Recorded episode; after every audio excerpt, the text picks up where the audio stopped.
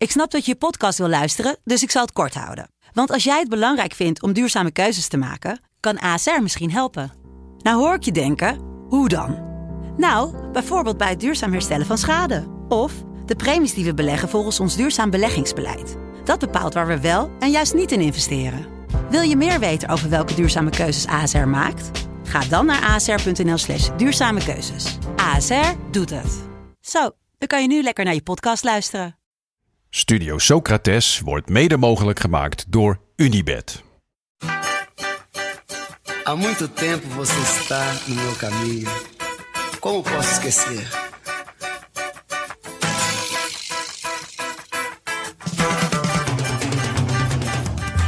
Welkom bij Studio Socrates, een podcast over iconische voetbalteams uit het recente verleden. Teams die van voetbal lieten houden. Met deze keer Nederland 2008. A beleza é você, menina. Menina, no seu jeito de olhar. Sócrates, Sócrates, tirou!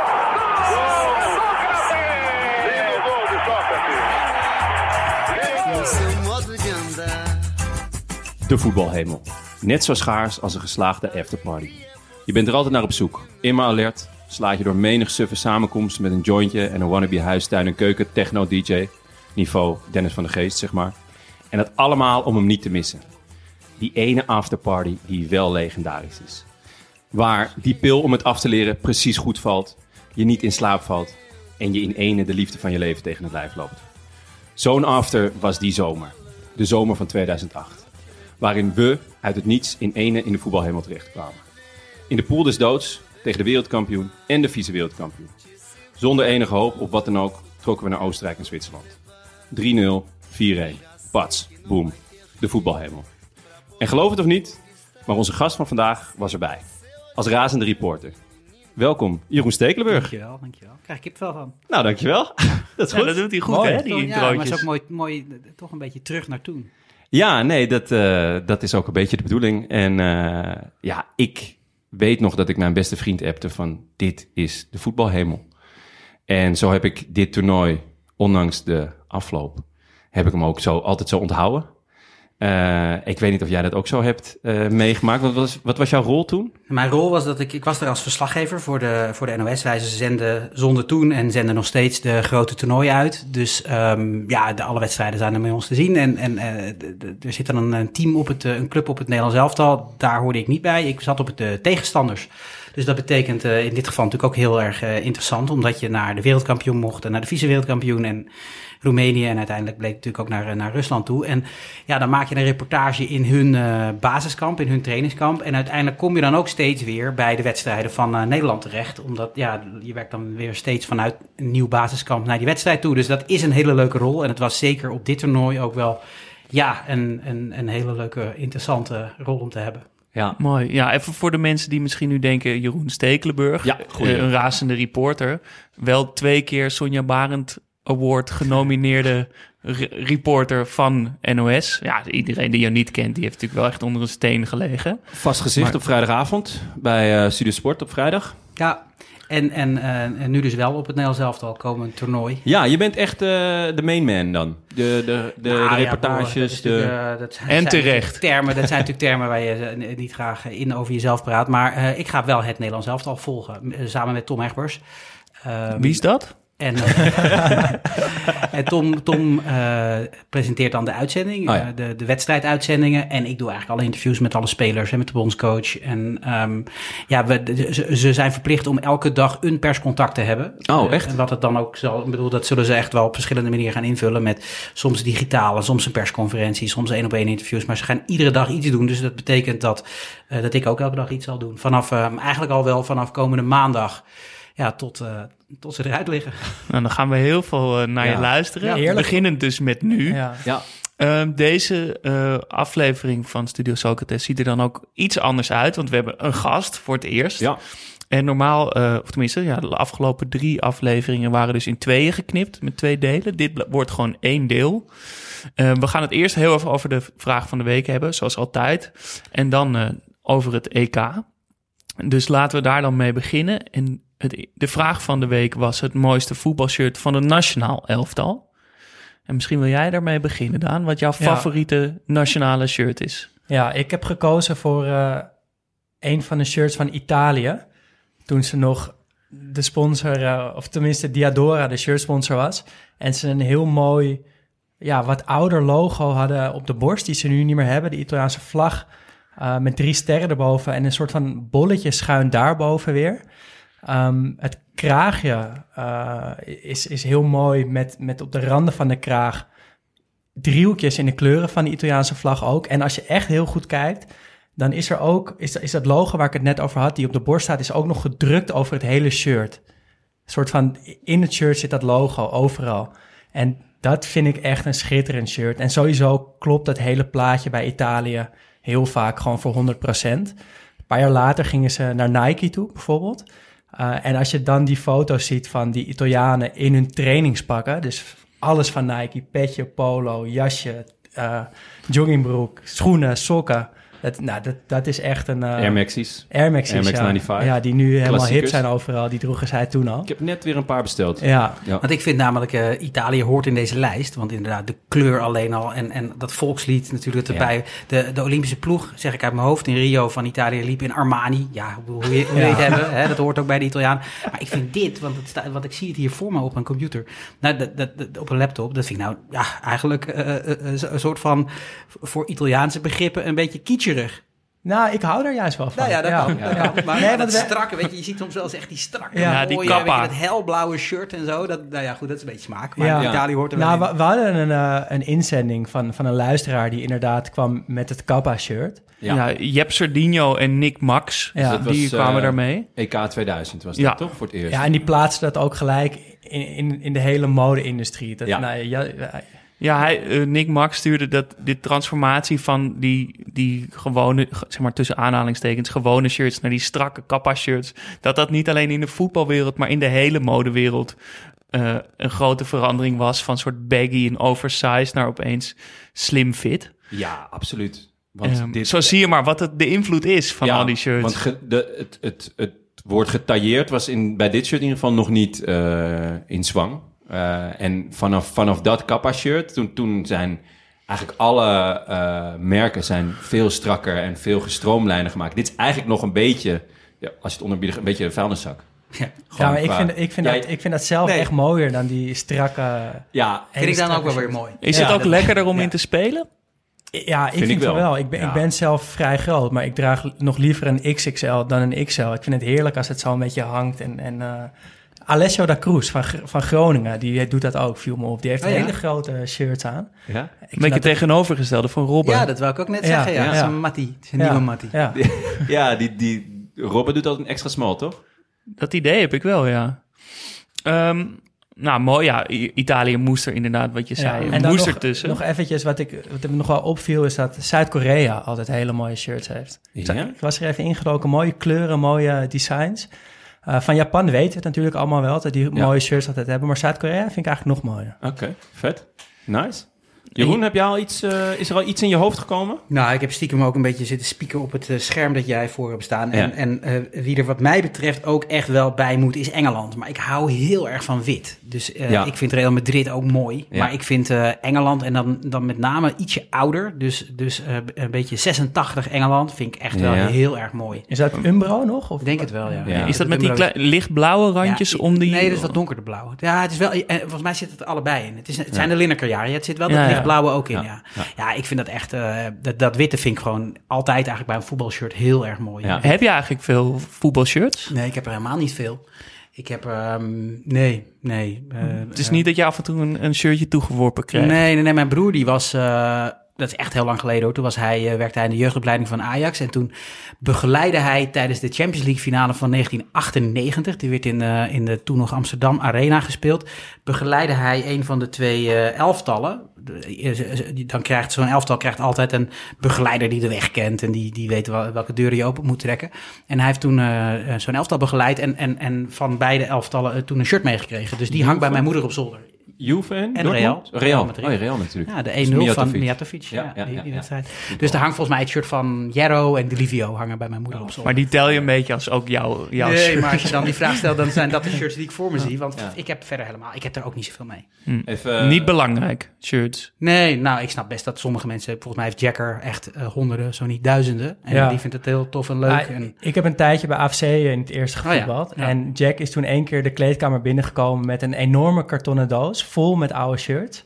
En toen kon je gewoon graaien. Echt? ah ja. Ja, en Vet. toen kwam ik uit op een Portugal shirt uit 86 geloof ik, wit met hier van die eh, rode en groene banen. Ah. Eh, wel inmiddels kwijtgeraakt, helaas. Sorry Jack. Alweer? Ja. jij, laat, jij raakt Raak veel shirts kwijt. Moest je dan eh, van tevoren of na afloop hand in hand met Jack niet zingen? Of, Nee, dit- wij waren allemaal uitstekend met Jack. eh. Geen kwaad woord over Je moest een sigaar, sigaar roken. Met Ja, Jack, ja. En jij dan, eh, Jonne? Ja, jij ik hebt heb- wel veel shirts. Ik heb heel veel shirts, ja. Ja, ik, eh, ja, ik ben een groot fan. Ik heb ze al jaren verzameld vanaf kleins af aan. En ehm, er zijn er... Nou ja, we, we hebben natuurlijk deze vraag al een keer gesteld. eh, van je favoriete shirt all time. Toen heb ik Italië ook als, ehm, eh, ja, als, als mooiste genoemd. Ehm, die van t- eh, WK 2006 volgens mij. Die vond ik heel mooi. Ehm, maar... Daarom ben ik nu voor een ander gegaan. Het, het shirt van Duitsland in 1990 en in 1994. Ook een wit Dat shirt. is met dat, met dat zwarte, met dat ding erover, toch? Ja? Ja. Verschrikkelijk, Eh, maar goed. maar ik heb wel- lelijkheid. ja, ja, maar ik heb toch ook een beetje, gewoon puur omdat dat Duitse adelaar erop staat, dat ik dat ja, dat vind ik echt... nooit echt zo mooi ga vinden, denk ik. Ben Nee, maar ik ik vind bang. die shirts van nu wel veel mooier. Want dat, dat was het een huidige- een kermisshirt. De was- komende shirts ja. zijn echt schitterend. Het, huid, het, huidige shirt van Duitsland is ook echt, Het is echt een mooi heel shirt. mooi. Alleen toen, Ja. het is gewoon dezelfde ontwerper als dat afschuwelijke EK88 shirt van Nederland. Ja, Dat wordt wel trouwens op veel sites als, als allermooiste nationale shirt Ja, ooit maar dat is natuurlijk ook mooi van lelijk. Het is zo Ja. iconisch geworden. Ook een toernooi dat Nederland won. Dus, dus ja, de- de- anders denk ik niet dat dat zo'n... eh zelfs als dat Ajax-shirt. Dat, dat, ja, dat, dat, eh, die van vorig jaar. Nee, nee, nee. Welke? Weet je zelf, ik denk begin jaren 90. Die is blauw met rood. Je- Als je hem ziet, Oh, die ja, ja, ja die TDK. vlakjes. Die TDK, ja, ja, ja. al die dat- vlakken. Ja, die is echt schitterend. Ja, die is heel vet. Oh, maar ook van lelijkheid, toch? Ja, ja, ja, ja, ja, heel vet. Nee, dus deze de- Duitsland, ik heb daar zelfs een, een, een replica trui van gekocht. En eh, die draag ik echt met heel veel plezier. Ik krijg ook altijd commentaar op. Je staat er Eh, ook nergens voor, hè? Nee, vrijwel nergens voor, nee. nee, ik, eh, sterk nog, ik heb ook een Duitsland ehm trainingsjack met achterop een afbeelding van Gerd Müller. Dus der bomber. Ja, dus die Duitsland vind ik echt heel vet. Ehm, ook hij was zo groot en het wapperde. En inderdaad, het waren ook allemaal... De, de, de mannen die erin speelden waren allemaal een soort halve enemy of the state. En daar heb ik dan ook altijd al een soort van zwak voor gelijk. Dat ik denk, ja, als iedereen je kut vindt, dan zal er toch ook wel iets vet zijn je zijn. En ehm, Dat is jouw levensmotto? ja, ja, wel een beetje. Ja, je moet toch ook, ja, je moet toch ook kijken naar de andere kant. En, ehm, en een ander shirt, eh, die heb ik ooit, en dat is eigenlijk de enige reden waarom ik weet dat dit bestaat. Ik zat ooit in de UB te studeren. En ehm, De universiteitsbibliotheek. Dit is een voetbalpodcast. Dus ja, nee. Wij zijn er allemaal nooit binnen ik geweest. Was, nee, ik was in de universiteitsbibliotheek en ik was bezig met mijn eh, studie, eh, mijn master Russische literatuur, zoals jullie allemaal weten. en eh, maar ik moest trainen, maar eh, ik eh, had me, dus ik had me, me, me- alles bij me, maar ik was vergeten een shirt mee te nemen. En wat ik dan vaak deed, dan ging ik even langs Accentsport. Eh, die zit, dat zat toen nog op de, Prinsengracht. op de Prinsengracht. Ze hadden ze een kleine... eh, Keizersgracht misschien. Ja, Ja. hadden ze een kleine dependance. En daar hadden ze vaak, eh, in het achterkamertje, hadden ze voetbalshirts voor 10, 15 piek. En dat waren echt de shirts die bijna niemand wou. En dat was ideaal, want dat was vaak mijn smaak. Dus ik ging daar even langs. En toen zag ik dus een shirt van Algerije hangen. Ik denk WK 2006 of zo, dat zij zich toen hebben geplaatst. WK, ja, WK kunnen, ja. 2006 of 2010, een van de twee. Ehm, en daar, dat was een helemaal wit shirt met, een, eh, eh, met wat groene accenten en een woestijnvos erop. Een fennec. Dat, dit is hun bijnaam, de woestijnvossen. Wist ik helemaal niet. Maar eh, dat vond ik wel echt een heel vet shirt. Die heb ik voor een tientje heb ik op de kop getikt. En daar shine ik regelmatig in op het padelveld. Dus, eh, dus daarom, eh, ja, die. Mooi, mooi. jij, Ja, die had ik niet verwacht. Nee, Ehm, Mijne heb ik ook al, ooit al een keer een beetje weggegeven... toen we naar het mooiste shirt ooit eh, gewoon aller tijden hadden. Ja. En dat is het, het shirt van Denemarken in 1986 van Danish Dynamite. Ik had nooit gedacht dat ik dit zou zeggen, maar het is een Hummel shirt. Niet echt mijn favoriete shirtmaker, maar dit is, hebben ze toch erg goed gedaan met een soort verticale, ja, hoe noem je dat? Opgedeeld in twee, twee vlakken. En één vlak is rood-wit gestreept, het hele dunne streepjes, en de andere kant wit. En de mouwen zijn dan weer gespiegeld. Maar ook met mooie blauwe letters dan. En eh, sowieso met, met Loudroep erin. Maar ja, Wat de- een shirt, hè? Ja, dat Loudroep erin zit helpt. Ja. Laten we het daarop houden. Het is... jij bent geen Hij is fan. trouwens wel schitterend Deens helftal, hè? Die, Ja. die tijd. Ja. Loes, Dynamite, eh, ultra aanvallend. Lerdy. Ja. Wat een... Ik vind het een heel raar shirt. Ja, maar daarom het is ook vind ik nooit het... meer gemaakt. Misschien Precies. ook wel met een reden. Er Maar, is een reden eh, voor, denk ik. Ja. Maar daarom, dat, dan heeft het ook al mijn alleen maar witte shirts. Dat is toch ook... Ah, dit heeft toch Nee, veel wit? Italië mooi, dus blauw. Ah, ja, nou, en, en, moet je eerlijk zeggen dat, dat toen je die vraag ehm, aan, mijn, aan mijn appte, Ja. toen dacht ik eigenlijk, weet je, eigenlijk hoort natuurlijk hier Argentinië ook in. Maar dan Ja. het allerlichtste blauw. Ja, want ja, want, ja, want ja, soms ja. is hij te, te helblauw, maar Ja. als het bijna wit-blauw Ja. is, Klopt. dat is echt heel mooi. Zie je, Jeroen, je doet alsof je het allemaal niet zo eh, belangrijk vindt, nou, maar... nee, ik vind een mooi shirt, vind ik wel. Ja, nou, precies. Ja, ja, Ja. zeker wel. Nee, maar ik hoef ze niet, bedoel, mijn kast hangt al vol. Dus dat, eh, mijn vriendin ziet me aankomen met mooie shirt. Heb je trouwens al een beetje ingelezen op de shirts voor komend EK? Ehm, nee, maar ze zullen oranje zijn. Vermoed ik. Ja, met een, met een soort grafische leeuw erop. Ja, wat vind je daarvan? Ja, ik vind helemaal niks. Ik vind het ook niet mooi. Hebben ze er al in gespeeld of, of gaan we Ja. er...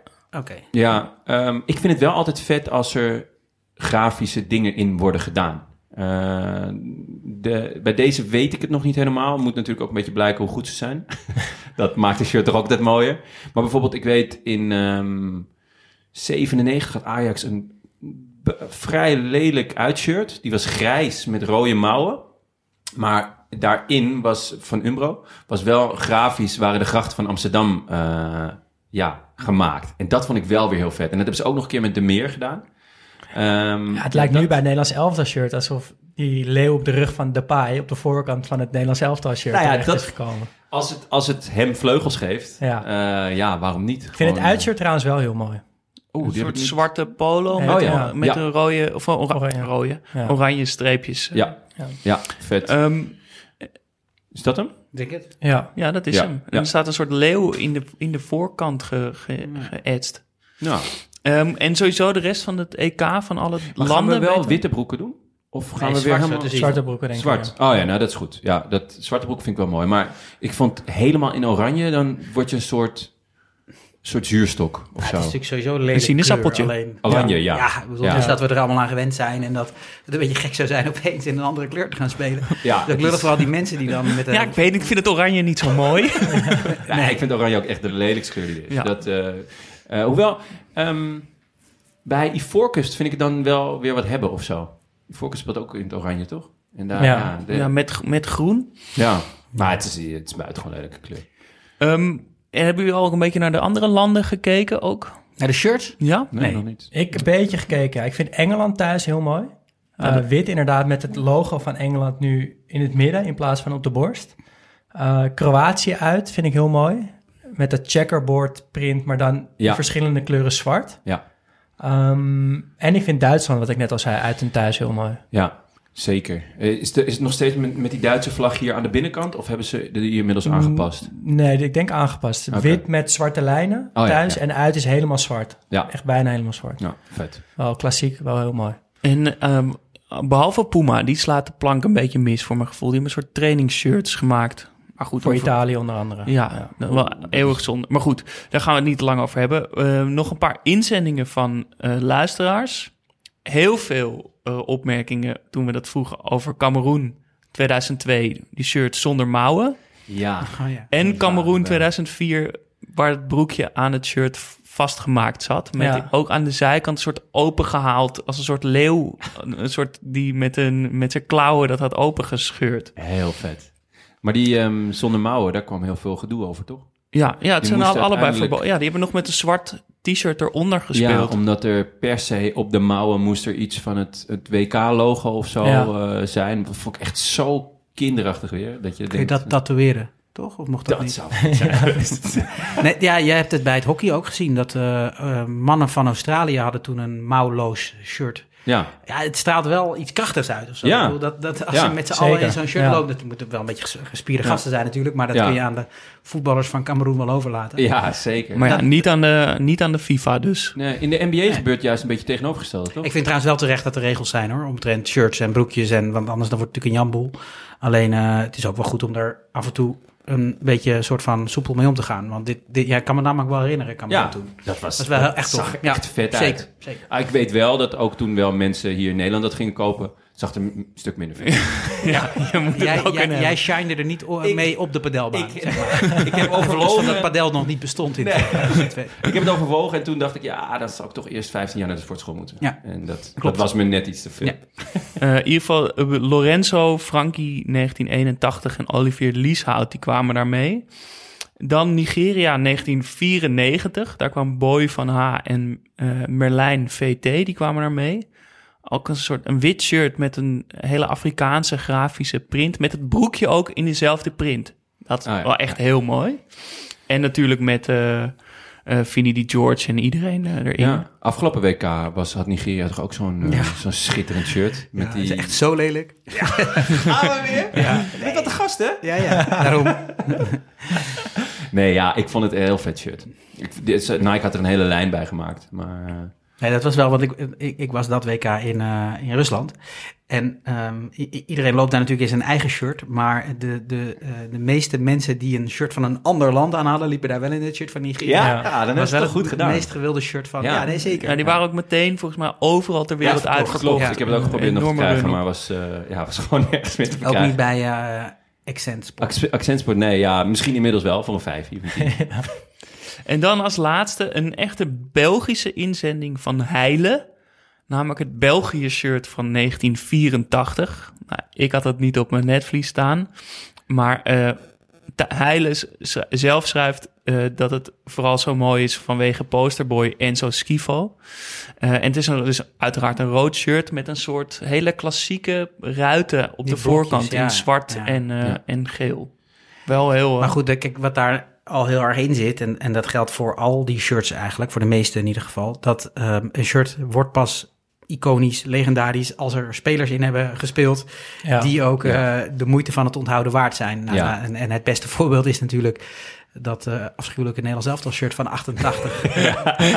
nou, daar zijn de meningen volgens mij inderdaad heel erg over. Ja, maar ja, ik, ik denk dat zelfs wij het erover eens zijn dat het een heel lelijk shirt Ja, is. toch? Ja, ja. Ja. Ja, ja, maar wel heel vet. Eh, Dan nog een eh, klein beetje administratie. We hebben namelijk nieuwe vrienden van de show. Daar zijn we heel eh, dankbaar voor. Eh, namelijk Sneeuwvlokje, Bern 2, Merlijn 4, je boy Simon en Thijs Brouwer. Vorige, vorige week hebben we een emotionele oproep, Ja, oproep gedaan. En het heeft geholpen, gezet. dus dankjewel. Ja, nou ja, terecht ook. Gewoon trek die poeplap, jongens. Ja, dus- En eh, betalen. Dus eh, mocht je dit horen, wil je ook vriend van de show worden, dan zouden we dat heel erg waarderen. Vriendvandeshow.nl slash Studio Socrates. En dan hebben we nog één rectificatie. Ja, schokkend. Ik heb namelijk ooit ergens gezien op een of ander voetbalfeitenlijstje dat Zidane nooit buitenspel had gestaan in zijn hele carrière. Ja, het klonk al bijna te mooi om waar te zijn, maar omdat Zidane was, gingen we er toch aan twijfelen. Ja. En toen Maar- kreeg ik een appje binnen. Ja, Wat, met, is, wat is dit dan? ja, met een 3 fragment. minuten 12 of zo. Ik heb een filmpje doorgestuurd van een luisteraar. En die zei: Kijk eens op 3 minuten eh, 12. En daar gebeurde het. Zidane buitenspel. O- op Old Trafford, geloof ik. En Oh, eh Zidane bij het spel. Ja. Dat is wel echt... Ik Ja. vond het zo'n heerlijke statistiek. Maar, Maar- wat, wat zegt die statistiekje dan? Dat hij, dat hij altijd eh, de paas geeft en hem nooit ontvangt? Of dat hij te lui is om de spits in te lopen? Of Ik omdat denk hij... een combinatie van beide, plus dat de grootsheid van Zidane Ja, precies. Dat, precies. Dat is het vooral. hè? Ja, Ja. zeker. We hebben vorige week hebben we Never ruin a good story with 2000 facts. behandeld. Ja. Precies. Dus dit En filmpje wist het gewoon, dan bestaat het ook niet meer. Wat is is Old. Trafford? Hè? Ja, hè? Old Trafford. Misschien was de VAR, heeft het toen daarna weer terug, eh, teruggedraaid. Ehm, maar ik ben wel benieuwd of hij daar specifiek naar op zoek is gegaan. Of hij eindeloos veel samenvattingen van Real heeft gekeken... om, om ooit te zien of Zidane buitenspel stond. Ja. Dat zou wel Dat helemaal zou mooi wel, zijn. eh, waarderen. Nou goed, dan, eh, dan was dit het gedeelte over de shirts. En dan gaan we door met het EK 2008. Ja. Waar, Ja. gaan we, waar beginnen we? Nou, misschien heel even goed om, om een klein beetje een beeld te schetsen van waar Oranje toen stond. Ja. Eh, WK 2006 was het grote eindtoernooi twee jaar eerder. Toen sneuvelde Nederland in de achtste finales eh, tegen Portugal. De slag om Nuremberg met eh, ontzettend veel gele en rode kaart. Ik kan me die tackle van Boularus op de, op de knie, heup, het dijbeen van Ronaldo eh, nog Ja, goed herinneren. En de tranen. Uh, Van Basten was toen al trainer en nou, die kon twee jaar verder bouwen aan zijn team. Uh, Cocu stopte in de tussentijd. Uh, van Bommel, Stopt ook. ja, Nou, tenminste... nou, die werd van, uh, gestopt, die ja, werd gestopt. Die wilde niet meer spelen zolang Van, Bo van Basten bondscoach was. En ja, Van der Vaart, Snijder, Van Persie, Robben onder andere hebben twee jaar kunnen rijpen. Um, en dus stond er best wel een aardig team. Overigens ook zonder Seedorf, die, ja, die Ja. zelf bedankte. Dat was inderdaad nog wel een heel, eh, heel ding. Want Seedorf had natuurlijk jarenlang een, ja, een haat-liefde verhouding. Is misschien nog te goed gezegd. Met het een elftal. haatverhouding. Een haatverhouding. Eh, of hij toonde liefde en Nederland toonde haat. Of, of andersom. Ja. Eh, en hij leek toen eindelijk weer in een soort van genade te worden aangenomen. En toen hè, zei hij toch zelf van nee, ik... eh, Maar is dat zo? Heeft Van Basten hem toen echt weer opgeroepen? En ja, Van Basten heeft hem... wedstrijden? eh, nou. Maar toen had hij ook wel een paar keer... Was, was hij erbij geweest en had hij of niet gespeeld... of, of kwam hij erin en voelde hij zich daar ook niet prettig bij. En toen eh, is hij... eh, uiteindelijk heeft hij zelf bedankt voor de eer, volgens mij. Toch? Nou goed, eh, volgens mij heeft Van Bommel ook zelf op een gegeven moment bedankt. Maar het was natuurlijk wel dat hij voelde dat, hij, Ja. dat hij niet meer opgesteld ging worden. Ja. Ja, kijk, de, de, de, het verhaal van de, dit, dit Nederlands elftal, dat is natuurlijk eh, de- eh, ook een elftal, een beetje vergelijkbaar met, met nu een aantal jaar geleden, dat uitgekotst werd in 2004. En de KNVB ging heel erg op zoek naar hoe gaan we dat nou veranderen. Kwamen uit bij Cruijff en, en toen hebben ze Van Basten natuurlijk bondscoach gemaakt. En dat werd wel een elftal waar Nederland wel, een wel- wel weer wat van, eh, van ging houden. Eh, van Basten had toen de merkwaardige opmerking dat het WK van 2006 een soort van voorbereiding was op het eh, Ja. EK van 2008. Dat moest het hoogtepunt worden. Ja. Nou ja, en, Nou, dat eh, was het wel. In dat licht eh, belanden ze toen eh, op het moment, denk ik, waar je nu eh, verder gaat, toch? Ja. Maar, en heb jij nog wat, wat sappige details over die ruzie tussen Van Basten en Van Bommel? Ehm, nee, nou, nee, niet sappig, niet dingen die niet bekend zijn, maar ik heb wel een hele bijzondere herinnering aan eigenlijk een, eh, een, een, een maandag dat dat enorm, eh, dat ja, escaleerde, nou, niet escaleerde, maar dat er heel veel gebeurde. Het was namelijk de, eh, op maandag kwam het Nederlands elftal bij elkaar, Van Bommel was weer eens opgeroepen, dus die was er een tijd niet bij geweest en was nu terug in het Nederlands elftal. En ehm, eh, Bert Maaldering deed voor de NOS eh, Oranje, maar die was op een schaatstrip naar Noord-Amerika, dus ik was toen eigenlijk pas een jaar of zo, anderhalf jaar verslaggever. Nou, ga jij maar naar, ga jij maar naar eh, Noordwijk was het toen nog. En ik sta daar op dat parkeerterrein en Van Bommel die parkeert zijn auto. Nou, je kent die scènes nog wel van, van, die, van die spelers die hun auto parkeren en dan van die persmensen die erachteraan rennen. En eh, de, de meeste mensen van de media die hadden een goede band met Van Bommel. Dus die dachten, we gaan niet achter hem rennen. Eh, we spreken hem wel bij de ingang van het eh, hotel. Maar ik nog heel eager, dus ik achter hem rennen. En nou, een tijdje met hem staan praten. Helemaal niet lang, maar wel precies genoeg antwoorden. Dat ik dacht van ja, dit is meer dan genoeg. Eh, en toen stond hij verder niemand te woord bij, de bij, het ingaan van het hotel. Wat op zich nog niet zo erg was voor, voor de rest. Want s s'avonds na de training was er de mogelijkheid om mensen te spreken. En eh, ik had toen gezegd van nou ja, ik heb Van Bommel al wel lang genoeg. Dus eh, ik wil wel met Van Basten spreken. Nou, dat kon. Dus, dus ik als enige Van Basten aangevraagd en de rest allemaal Van Bommel aangevraagd. En dat is die training dat hij, dat hij op zijn enkel werd geschopt. Dus dat hij op een brancard eh, af werd gevoerd. Dus hij was weer een keer terug bij het Nederlands elftal. De allereerste training op eh, maandag krijgt hij een school op zijn enkel en hij gaat met een brancard weg. Dus ik, ik daar ook nog Van Basten interview. Dus ik had het stukje, ik had alles in het stukje. Dus smiddags eh, Van Bommel gesproken, s'avonds Van Basten gesproken. Maar goed, weet je, aan alles merkte je wel dat het gewoon ontzettend schuurde. Het was gewoon... ja, die lagen elkaar gewoon niet. En dat is het natuurlijk het laatste ook nog wel een keertje uitgesproken. En dat Ja. kan natuurlijk. Dat is ook helemaal niet erg. Dat, ja, volgens mij hebben ze laatst toch voor het eerst gezegd van nou, ja... Ja, Ze zaten met elkaar aan tafel bij Rondo, dacht ik. Ja, Ja. klopt. En, en volgens mij zelfs daarvoor ook nog wel een keer hebben ze er allebei wat over gezegd. Maar nu zaten ze daar. En dat is ook helemaal niet erg, want ze volgens mij kunnen ze prima een biertje met elkaar drinken. Maar ze lagen elkaar gewoon niet als coach en als speler. En eh, dat was ook daarnaast die volgens mij ook niet meer opgeroepen. En het was ook wel, hij was ook geblesseerd, weet ik nog. Want hij was, eh, nee, nee, nee, sorry, dat zeg ik verkeerd. In 2004 was hij geblesseerd. Want toen was hij bij ons, eh, was eh, Bert van Marwijk was toen bij ons eh, analist, analyticus. En toen kwam Van Bommel een aantal keer langs. Maar in 2008 had hij er natuurlijk bij willen zijn. Maar ja, nee, helaas. En hoe, hoe, hoe werkt dat? Ik kan me voorstellen dat je, want wij zien natuurlijk gewoon de reportages die jij maakt, zeker in zo'n in dat Noordwijk en zo. Maar proef je dan nog veel meer tussen de regels door als je daar rondloopt, wat moeilijk te, te vangen is in een item? Krijg ja, dat is wel een beetje veranderd. Want ehm, met de komst van Koeman en met de verhuizing naar Zeist... hebben ze dat wel veel, nog veel meer, veel meer die duimschroeven aangedraaid. Waar er nog wel eens wat momentjes waren dat je er een klein beetje... eh, ja, dat er wel eens een raam open ging en zo. Dat, dat, dat, ja, dat bestaat eigenlijk niet meer. Want, want ze rijden nu ehm, de parkeerplaats van Hotel Woudschoten op. En dat is het. En dan zien we ze op het moment dat ze gaan trainen... op het moment dat ze ons te woord staan. En dat is ook eigenlijk wel prima. Want het waren natuurlijk ook wel een beetje ra- rafelige momenten. dat, dat die spelers, eh, ja, dat er allemaal cameramensen achter die spelers aan gingen rennen op zo'n parkeerterrein. Wat ik heel leuk vond hoor. Dat maakt je werk toch juist heel leuk denk ik. Nee, zeker. Ja. Dat was ook heel leuk. Maar ik begrijp wel dat de KNVB en dat Koeman op een gegeven moment gezegd Ja. heeft van ja, dat willen we niet meer. Want je kunt het natuurlijk niet controleren. En dat is wel, was Koeman, dat is heel erg Koeman, dat hij dat soort momenten heel erg eh, wil, wil controleren. Maar denk je dat de spelers dat een fijne ontwikkeling vinden? Of, of gedijen die juist wel goed met die soort van semi-vrijheid die daar nog wel in zit als je op zo'n parkeerterrein... Ja, dat, dat, dat verschilt natuurlijk heel erg per type. En daar moet Ja. ook wel bijgezegd worden dat ze altijd de keuze hadden om de parkeergarage in te rijden in, eh, Ja. bij Huis ter Duinen. En dan zag je ze nooit meer. Dus, ah, dus als, ze dat, als ze echt geen zin hadden om te praten met iemand, dan reden ze gewoon die parkeergarage in en dan waren ze binnen. Dus de meesten die vonden dat ook wel prima, denk ik, om eventjes nog, eh, nog iemand te woord te staan. Zijn er types in de huidige selectie die het leuk vinden? Om, om met, met media Ja. te praten. Nou, ik denk dat er eigenlijk maar weinig tussen zitten op dit moment die er echt een he- enorme hekel aan hebben. Ehm, dus ja, weet je. De, Bij wie denk jij van, als je die te spreken krijgt, denk je van, ah yes, dit leuk, je ga, dit, dit wordt een leuk gesprek. Oh, wel, wel met de meeste hoor. Ja? Maar ik vind bijvoorbeeld eh Martin de Roon heel grappig. Weet je, die ook op eh, social media Ja. is hij gewoon heel grappig. Op, eh, op met name Twitter volgens mij.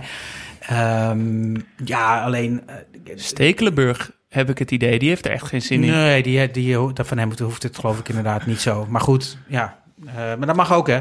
Ehm, maar het is niet altijd zo dat iemand die overkomt als dat hij het niet leuk vindt, ehm, dat dat geen leuke gesprekspartner is. Want ik kan me best voorstellen dat mensen dat denken bij, eh, bij Memphis of zo. Maar Memphis is natuurlijk wel leuk, het is wel een uitdaging. En, Ja, hij, ja, en hij geeft ook wel wat. Weet je, als hij merkt dat je, dat je je best doet en dat je dat je verdiept hebt in de situatie. En, nou, dan, dan, dan kan dat best, eh, best een leuk gesprek worden. Het is wel een, ja, het is wel een volwaardige gesprekspartner. Ja, ja, ja. Ja, hij is niet doodgemediatraind. Nee, en, exact. En doet natuurlijk gewoon wel uiteindelijk wat hij zelf wil. Ja, ja. dus, dus dit is best een leuke groep hoor. Ik bedoel, Ja? ja vind ik wel. En was dat ook zo in 2008? Want er wordt veel gezegd over dat het zo'n hecht vriendenteam met elkaar en een goede Ja, dat sfeer zo? was. Dat- En dat zou kunnen, Dat idee, Nou ja, dat was natuurlijk omdat Mar- Mark van Bommel eruit was geflikkerd. Ja. was het ineens beren gezellig. maar jij hebt dat natuurlijk iets minder van dichtbij meegemaakt. Ja, ja. Nou, ik weet, er zaten wel persoonlijkheden in die, ehm, die het niet altijd even, die niet altijd even makkelijk waren in hun omgang met, eh, met de media. Volgens mij was in zijn actieve carrière, Ruud van Nistelrooy bijvoorbeeld en eh, Edwin van der Sar, die hadden er niet zoveel mee. Ze konden het wel en ze waren niet, maar dat, dat, dat kon best wel eens een beetje, dat kon best wel eens een beetje schuren. Eh Seedorf, die dus net af was gevallen, dat, nou, nou, dat, dat weten jullie denk ik ook wel. Ja. Ja. Ja, en, dan, en dan helemaal aan de andere kant van het spectrum had je, had je natuurlijk in die groep een aantal mensen die echt eh, geboren zijn eh, voor de media eigenlijk. Dus, dus Snijder, Robbe, Van der Vaart. Dat is natuurlijk, dat is voor ons altijd eh, enorm dankbaar. En ik denk ook dat zij er geen enkele moeite mee hebben. Ze hebben ook geen moeite om zich uit te spreken, om iets, om iets te zeggen buiten de protocollen om. Dus wat dat betreft eh, kon je altijd wel eh, je hart ophalen. Ja. Mooi. Dan, eh, nou, laten we dan een beetje in die selectie duiken. Op zich, de, de grote lijnen, die, die weten we al wel. Hoe, wie er allemaal inderdaad in dat elftal speelde. Maar er zaten toch een paar verrassingen in. Zoals... Nou, de grootste verrassing was denk ik Orlando Engelaar. Niet per se dat hij in die selectie zat, maar wel dat hij zo'n grote rol kreeg toebedeeld op, Ja. het, eh, op het EK. Dat moet jouw hart sneller hebben doen kloppen. Ja, ik hou heel Lang. erg van, van lange middenvelders die eigenlijk snelheid tekort komen en dat compenseren met snel denkvermogen en een, go- en een goede, goed, goede paas. Goeie linker. Oh. En, en linksbenigen. En Engelaar had dat heel erg. En ik hou ook wel heel erg van, soort van het onverwachte en de underdog. En dat had hij ook. Maar noem eens de, de, degene die je nu omschrijft. Dus de, de, de beste speler in, de, in dat spectrum van die je net... Nou ja, ik, die is dan niet links, maar dan zou ik aan Socrates denken. Ja, ja. oké. En dat heb ik natuurlijk alleen op YouTube gezien, maar dat vind ik Ja. een soort van... Dus natuurlijk wel echt een andere tijd, hè? En Zeker, zeker. stilstaand voetbal. Nou ja, ze, je ziet ze steeds minder vaak. Want Ja. in die zin evolueert het voetbal op een manier dat die types een beetje uitsterven. Ehm Medunjanin van eh, vroeger ja. AZ. ja. Eh Matic van Menu, die vind ik stiekem eigenlijk ook Ah, heel goed Ja. aan de bal. En die voetbalt ook een beetje op die manier. Ja. Eh, en, maar Engelaar had dat dus zeker ook heel erg. Zeker ook zo'n speler. Ik denk, alleen dat de hij net niet, ik denk alleen dat hij net niet goed genoeg Nee, was. maar dat is dus Dat altijd is een- eigenlijk ja. met, Ja. die, eh, met die spelers. En- Maar hij heeft dit toernooi, Van Basten was, was lyrisch over hem. Ja. Die, die, eh, Ik ook hoor. Ik was echt groot fan. Omdat hij... eh, Maar ik denk ook dat, dat zelfs binnen dat, hè, wat er van hem gevraagd werd, en zo, dat hij ook net niet goed gedaan. Dat hij toch uiteindelijk, als het echt handelingssnelheid nog was- precies, als het net wat sneller Ja. ging. En, en ehm, ja, ik bedoel, je wint met 3-0 van, van Italië en met 4-1 van Ja. andersom, weet ik veel. Maar nee, dik van die twee, van die twee elftallen. Dus wat dat betreft eh, ehm, raakt het kant nog wel wat ik nu zeg. Maar toch was er de hele tijd het gevoel van, ja, ik weet. Het grappige was dat hij eigenlijk als... In ieder geval, volgens mij bij NAC speelde hij als nummer 10. Ja. En toen ging hij naar België en daar werd hij... eh, ja, volgens mij speelde hij ook als nummer 10. Maar Van Basten stelde hem eigenlijk op als een van de twee verdedigende middenvelders. Ehm, hij is natuurlijk echt groot. Eh, boven de 1,90. Dus ja, je hebt wel een soort van body op het middenveld daardoor. Zeker met Nautje de Jong daarnaast. Die toen zich echt aan het ontwikkelen was als een van de beste verdedigende middenvelders ter wereld. Ehm, maar Orlando Engelaar, die voetballend was hij dus, vond ik heel goed. Maar inderdaad, zijn handelingssnelheid was eigenlijk een tikkie te traag. Ik weet nog dat hij twee jaar daarvoor overwoog om Snijder daar neer te gaan zetten op die plek. Ja, maar dan, dan ben je verdedigend wel echt... Nou, maar dat heeft hij in een van, die, in een van eh, de wedstrijden hier wisselde hij die eh, Engelaar in de rust voor, ik, dacht voor Robben. Ja, En toen kwam Van der Vaart of Snijder, dat weet ik even niet meer, maar één van die twee kwam op die positie voor het middenveld naast de Jong te spelen. Dus eh, het, het is heel gewaagd. dat was maar het tegen kan Frankrijk, wel. toch? Ja. Volgens mij in de rust stond het 1-0 Dus- en toen, ja. toen deed hij die wissel. Ja, dat is natuurlijk wel een extreem vette wissel. Ja. Als je 1-0 voor staat tegen eh, de vice-wereldkampioen en dan gewoon zegt van nou, eh, ik zet Robben erin voor Engelaar en ik haal een van die twee, ja toch niet verdedigend goede jongens, haal ik gewoon een linie terug, puur voor het voetbal. Maar sowieso, als ik nu ook de, de lijst met, van de selectie zie en de clubs waar ze vandaan werden Ja. gehaald, Ja. lees dat als een soort voetbalpaspoort van een hele obscure speler. Want er zitten dingen als Blackburn Rovers van André Ooyer tussen. Eh, we hebben AZ, we hebben Wigan Athletic met Mario Melchiot. Aston Villa, eh Bauma. Celtic, Jan van der Gorf Hesseling. Maar dan hebben we dus ook Liverpool, eh, eh, Atletico. Atletico. Vier mensen van Real Madrid. Ja. Snyder, Robben, Van Nistelrooy en Van der Vaart. Eh, Manchester United met Edwin van der Sar. Het gaat echt alle kanten op. Maar als je Ja. de, de basis bekijkt, is het volgens mij allemaal, nou misschien op, nou Engelaar dus niet, maar op één of twee na is het top 8 Europa. En Ja. dat was Ja. wel, dat kenmerkte dat elftal gewoon heel erg. ja, En jij eh, volgde de tegenstanders eh, Ja. van Nederlandse elftal. Maar ik, hoe, hoe was dat dan? Want Nederland speelt tegen de wereldkampioen, eerste wedstrijd Italië. En die worden wegge- weggevaagd. Ja, wat ik eh, in je intro zei eh, Jonne volgens mij dat we zonder dat Nederland daar zonder verwachtingen heen ging. Maar volgens mij is dat niet echt zo. Want, want, want ook al speelde je tegen de wereldkampioen en de vice-wereldkampioen, was het niet zo dat, dat Nederland zonder kansen of als underdog naar dat Ja. toernooi ging. Omdat ze gewoon enorm geloof hadden in dit elftal. En ja, in- de intro was misschien Nee, was wat leuk. dat betreft meer op persoonlijke titel. ja nee, Maar dat is ook... maar lag ik, had, ook wel- ik had niet de verwachting Nee. dat Nederland eh, eh, van Italië dan wel Frankrijk. We zaten echt, echt in de pool dus doods. Is, Maar dat, is, dat, is, dat staat helemaal buiten kijf. Dus Ja. daarom is het ook prima dat je het Nee. zo formuleert. Maar, maar ik probeerde net terug te gaan naar toen. En ik weet wel dat, dat eh, Nederland schrok daar niet van. van We moeten nu tegen Frankrijk of Italië. En dus Ik kan dat me was wel mooi. herinneren dat ik dat heel erg had. Ik dacht, nou, daar gaan we. Want die, Sowieso, die ja. loting is belachelijk. Want Maar Van Eh, Basten was natuurlijk wel iemand, want ik, ik herinner me ook nog wel dat die ehm, eh, loting was. Daar was ik toen ook bij, geloof ik. Eh, ja, die had zoiets van, ja, nou ja, laat me komen. Weet je, dat- vanuit hemzelf, Ja. die, die speelt natuurlijk nooit tegen iemand die beter was. dus, Ja. dus wat dat betreft, ja, ze Ja. kunnen heel goed zijn, Italië, Frankrijk. Maar ja, wij zijn ook goed. Maar het rare is Ja. dus, dus met, die, met die indeling van de potten bij de loting werden eh, Oostenrijk en Zwitserland automatisch Oh in ja. pot 1 gestopt omdat ze gastheer waren. Ja. Griekenland als verdedigend Europees kampioen ook. En Nederland, omdat ze een goede kwalificatie hadden gedraaid, zaten ook in pot 1. En daarom zaten wij in zo'n hele rare pool Ja. die nu misschien eigenlijk helemaal nooit meer zou ontstaan. Omdat Nee. die toch met Frankrijk en Italië en Nee, ja, Nederland en dan. Roemenië nog. Je Ja, hebt je nu- hebt nu eh, Portugal, Duitsland, Duitsland en Frankrijk. Ja. Ja, ja, dat, dat doet er niet echt voor onder. Dat, is, dat is waar, dat dus is waar. dat eh, de toernooiopzet zo gaar is dat de beste nummers Ja, er ook dat klopt, doorgaan. dat dus klopt. ja, eh, volgens mij Portugal werd eh, Europees kampioen met drie gelijk spelen in de pool. Ja, Nee, daar heb je gelijk in. Dat de is natuurlijk opzet is zo- een, zeer gemankeerde Ja. toernooienvorm. ja. Maar ik, de- het, het, het Nederlands team straalde ook wat uit. Ook de Ja. bondscoach toen, Van Basten. Ik weet nog, want eh Klinsman was net Maar- bondscoach geworden bij Duitsland.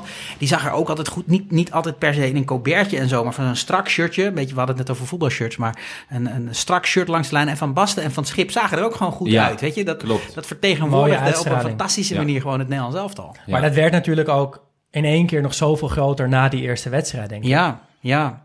Maar hoe, hoe, hoe, hoe werd dat ontvangen in Italië? Want jij zat de- dan in het Italiaanse kamp. Ja, goed. Ik, ik, ben in aanloop naar die wedstrijd. eh, ga je een paar keer op bezoek bij, Ja. de, bij de Italianen. Wie heb je gesproken? Ja, Weet je dat nog? Nou ja, in ieder geval altijd de bondscoach. Even Ja. een beetje achter zo'n tafel. En dan, Donadoni, Ja. ja. die nog met, eh, met Van Basten bij Milan speelde ja, natuurlijk. zeker. En ik weet dat er een speler ook te spreken was, maar ik weet eigenlijk niet meer wie. Nee. ik weet niet Maar meer. wat ik was weet, de ik weet wel dat zij, in, eh, zij zaten in, eh, in Wenen. Nou, zij hadden ook wel het idee van, dit is geen gemakkelijke pool. En dan kunnen wij wel, kunnen wij wel de wereldkampioen zijn. Maar het is niet gezegd dat wij zomaar even door die, eh, door die pool heen gaan komen. En als je, want volgens mij stond eh, dat toernooi stond Luca Toni in de spits bij Italië. Ja. Nou ja, dan is, al, dan, dan is het natuurlijk al niet een, een groot Ita- Italië, toch? Ik bedoel, dat is niet... Ah, ik was altijd wel fan hoor van Luca. Zeker die manier van juichen. Ja. Maar, Ja. sorry, want je Maar zei nee, ze zaten in. Wenen. Ja, ze zaten in Wenen, want ze speelden dan ongetwijfeld... Nederland speelde alles in Zwitserland. Maar ik denk dat Italië ook een wedstrijd in... eh, in eh, een andere poolwedstrijd in, eh, in, in eh, Oostenrijk speelde. Eh, dus dat weet ik daar dan wel van. Ehm, maar eh, ik weet vooral nog dat ik tijdens die wedstrijd... want mijn ogen vielen ook wel uit mijn schellen... dat ik dicht achter de... dat kort achter de bank van het Nederlands elftal zat... en dat we ons wel afvroegen, wat gebeurt hier? Als ik me goed herinner... eh, viel op een gegeven moment ook Affelay in... Want, want Ja. dat, dat van die grote spelers, dat, dat, wist Europa natuurlijk wel. Hè? Dat je dan met Sneijder en Van der Vaart en Kuit, die toen bij Liverpool speelde, en Van Nistelrooy. Dat is natuurlijk een geweldig elftal. Maar toen viel Affelay in. Die schoot ook na twee minuten van 20 meter op de lat. Dat je, dat, Ja. Het hield niet op. Weet je? Het, Ja. was, het, het kwam van alle kanten. Maar Ja, was en dat... oh, sorry. En nou, Robben deed nog niet eens mee. Van Persie viel ook vrij laat in. Ja. Dus Ja. het werd nog, Nou, kon nog beter worden. Maar had je het gevoel dat het bij Nederland, als je zo vlak achter die bank zat, dat daar op de bank ook zoiets was van, wat gebeurt hier? Ja, ja absoluut. absoluut. Ehm, eh, wa- want wat ik, wat ik heel erg deel met, met wat jullie proberen in, in dit toernooi te leggen, is dat het was ook echt fantastisch. Want ik, ik, ik hou ook heel erg van manier van spelen centraal zetten. Natuurlijk is het, is het leuk als je de finale haalt en de finale wint. Nou, natuurlijk is dat uiteindelijk wat je moet willen met, een, met zo'n elftal. Maar dit is toch ook geweldig dat we nu, 13 jaar later, het nog steeds hebben over, die, over twee poolwedstrijden. Ja. Omdat het gewoon groots en meeslepend was. Zeker, nou, dat is eh, waarom wij ook dit team hebben gekozen en niet voor het WK 2010 zijn gegaan. Wat ik gewoon echt, Ja. waar me eigenlijk geen enkele wedstrijd echt van bij is gebleven, behalve misschien Brazilië, omdat het zo'n mooie comeback was. Maar ja, het was verheffend was het niet. En dat je dan natuurlijk die verschrikkelijke Fufusela's. eh die echt elke sfeer gewoon dood Daar kon Van Marwijk weinig aan doen. Dat weet ik niet hoor. weet ik niet. Hij had ook gewoon kunnen zeggen, jongens, kappers met het getoeter. Maar dat deed, dat deed Bert ook niet. Maar, Maar ehm, Nederland sprong in de auto in 2008. En er Ja. stonden gewoon honderdduizend Ja. mensen Ja, op het plein. Omdat wat- je erbij wilde horen. Er Daarom, gebeurt iets wat wat kreeg jij daarvan mee? Ja, alles. Ja? Ja, want dat, kijk, de wedstrijddag klinkt misschien eh, gek, maar de wedstrijddag is voor ons vaak eh, een van de rustigste dagen, omdat die wedstrijd is vaak om negen uur. Eh, dus je hoeft niet 's ochtends naar een training of nog naar een persconferentie of zoiets. Maar dan gaan wij wel eh, filmpjes maken van in de stad. Dus eens kijken wat voor hoeveel Nederlanders zich daar op een plein Ja. hebben verzameld. Ja, en dat is heel vaak eh, heel plichtmatig. Want heb je natuurlijk, ja, weet je, iedereen weet wel dat er een heleboel mensen uitgetost in het oranje gek aan het doen zijn in de stad. Maar daar was het gewoon echt bijzonder. Want het, wa het, was, het was zo massaal en het was zoveel en het was zo vreugdevol en zo uitzonderlijk. Dat, ja, dat heb ik echt nooit eerder, nooit eerder meegemaakt. Maar was dat van tevoren al aan die wedstrijd? Of was het nadat Nee, we dat gewonnen, groeide dat we volgens toen mij. daarna tegen Frankrijk, Ja. dat het toen nog ja, meer... dat, dat bouwde op. En, en natuurlijk was het, was het, want het was uiteindelijk speelden ze volgens mij in ehm Basel tegen, tegen Rusland. Ehm, maar het was gewoon, het, het werd gewoon steeds meer en het, het, het nam echt toe. Je, je merkte echt wel dat er wat ontstond tijdens dat toernooi. Dus dat was echt wel heel erg bijzonder. Dat, uh, uh, als je mij zou vragen, wat, wat, wat komt het eerst in je op als je aan dat toernooi denkt, is dat wel dat. Ja. de, de massale gekte. Ja. Dan laten we het even heel veel kort over die wedstrijd hebben. Want ja, we weten nog wel ongeveer hoe het, eh, hoe het ging. Ja, nou ja, het, het wordt dus eh 3-0 tegen Italië. Eh, en het is eigenlijk de wedstrijd van eh, Gio van Bronckhorst. Ehm, Nou ja, dat moment. ja, ja, de 1-0 is, is van Van Nistelrooy, die volgens mij gewoon in buitenspelpositie die bal binnentikt. Nee, joh. Eh, het is 100% buitenspel. Alleen Panucci ligt Ja. achter, achter de doellijn. En dat schijnt dan een regel Die doet te mee zijn. aan het spel. Ja, Ja, ja, je kan niet maar zomaar- En anders ga je er zomaar uitspringen. Precies, Ja. maar dat is, weet je, er, was, er hing zo'n zweem van buitenspel. en Ja, toen, oh nee, daar, ja. daar Maar je zag ook wat ongeloof bij Van Nistelrooy, Ja. volgens mij, als hij, als hij wegrent. Van, Ja. Ja. Kom ik hiermee weg? Ja, hij kijkt, het eerste wat hij doet is kijken naar de, naar de eh, grens. En ja hoor, die, wel knap hoor van die grens. Dat hij dat gewoon, of hij dacht gewoon echt dat het geen buitenspel was. En hij had een heel groot gelukje. Ja, of, of hij, die grens weet gewoon, oké, ja, er ligt daar nog een speler. eh, kan nooit buitenspel Ja. zijn. Ja, en dan de 2-0, dat is eh, een goal van Sneijder, maar dat is eigenlijk al een goal van, van Bronkhorst. Want die haalt zelf een bal van de lijn eh, naar een corner. En wat mij heel erg opvalt, ik weet niet of dat in een samenvatting zo gemonteerd is of dat dat al live te zien was, maar Van Bronckhorst eh, stoomt naar voren.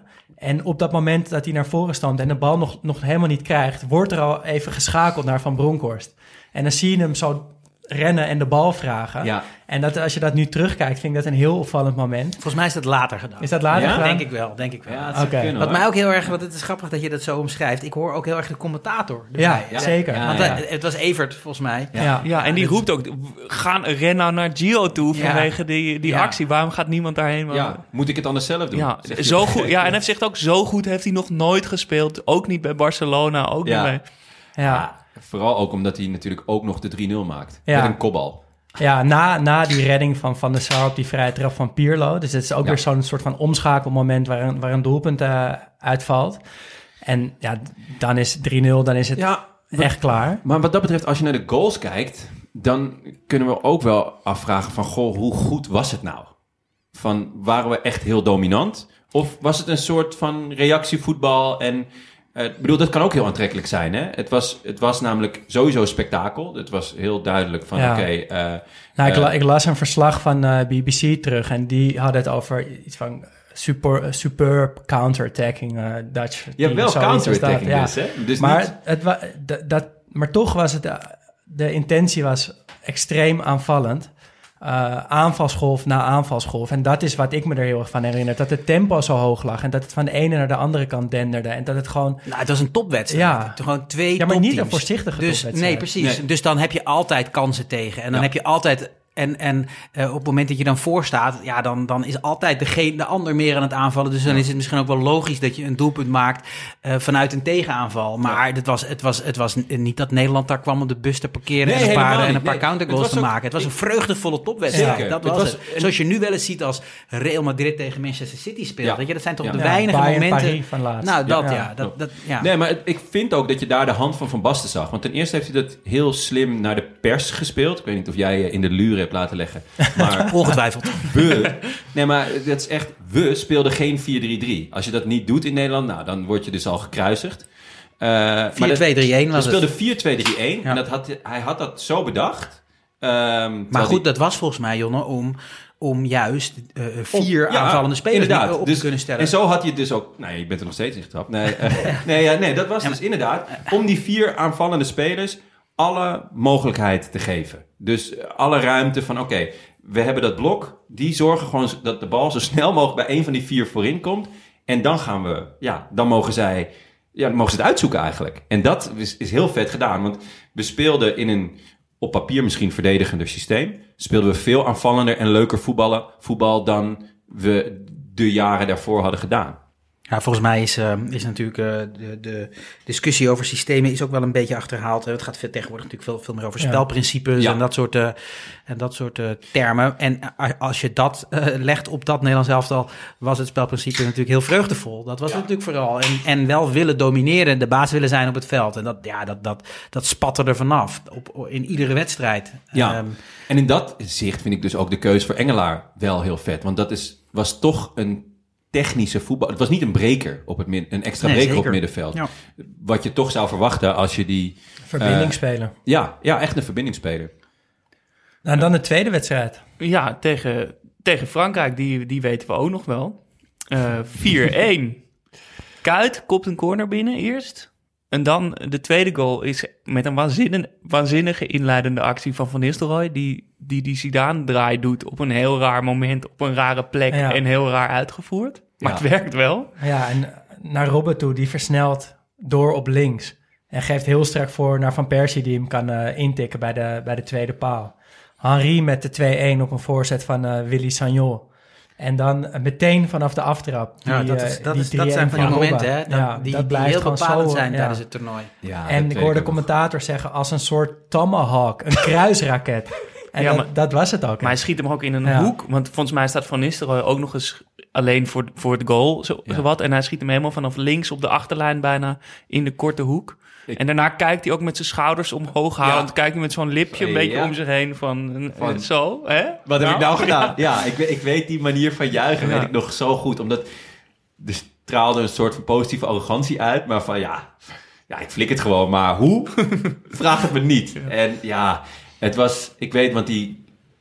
Frankrijk werd gewoon wel sterker toen. Eh, en toen die 2-1 viel, toen was het wel zoiets van... Oef, daar gaan we of zo. Beetje toch... eh, Misschien mijn fatalistische aard. Of met voetbal heb ik dat nog wel Had ik ook, had ik ook. Precies Dat- dat, ja, moment. Ja. Dat je echt denkt, oeh, dit is... Hij, was, het was ook te vroeg, weet je wel. Er was echt nog wel 20 minuten of zo te spelen, denk ik. Langer nog hoor. Ja? Ja. En ehm, dat ik echt, oeh, zou het dan toch, weet je wel? Want dan, en dan zijn we er toch ineens nog niet. En gewoon letterlijk vanaf de aftrap, Robben, actie, doelpunt. En ja, toen... Volgens mij dacht ik veel meer dan alleen maar, oh, deze wedstrijd is binnen. Toen dat doelpunt viel, had ik echt zoiets van, ja, volgens mij worden ze gewoon Europees kampioen. Ja. Weet je, dat Ja. was eigenlijk dat, die, die, die, die, de, de 3-1. Dat, Ja, dat zat daar heel erg in. Nou ja, letterlijk eh, de- dat ik mijn beste vriend toen aankeek en dat we tegen elkaar zeiden, dit is de voetbalhemel. Ja. En dat is, eh, dat- sindsdien is dat in ieder geval bij ons is dat een, een, eh, een, een, Een streven. Een streven. Het is een heel zelden terugkomend. toen dat, dat jaar dat Ajax de halve finale haalde in de Champions League, toen hadden, hadden we weer Ja. van, oh, dit is de voetbalhemel. Gek genoeg had ik het met WK 2010 namelijk niet. Maar niet om dat de hele tijd af te kraken of zo. Maar had ik dat veel minder. Hoewel de blijdschap wel enorm was. En toen nog de 4-1 van Snyder, dat hij hem krijgt ingespeeld en de andere kant opeens opdraait. En hem, eh, Echte van-. Ja. Heel kort wegdraaien en, eh, en schieten. Ja, vanaf laten erin. 20 meter Ja. of zo. En Ja. dat is ook verkozen tot het mooiste doelpunt van het toernooi. Ja. En het commentaar van Evert de Napel met C'est passé voor de Fransen, dat staat me ook nog heel erg bij. Dat hoor ik er meteen bij. Dat is ook echt een typische Evert. Ja, Ja. ja. Domenech, bondscoach. Ja, ik kan me wel herinneren nog dat we toen in aanloop daar naartoe gingen. Ja. Ehm, toen was er natuurlijk wel flink wat respect voor eh, Oranje, die met 3-0 van Italië hadden gewonnen. Dat groeide wel langzaam, langzaam aan. En bij hun, bij Frankrijk was er natuurlijk ook wel paniek. Want die hadden 0-0 gespeeld volgens mij, die eerste Ja, pot. tegen Roemenië. Tegen Roemenië. Dus eigenlijk stond de druk daar gelijk Ja. wel, wel flink op.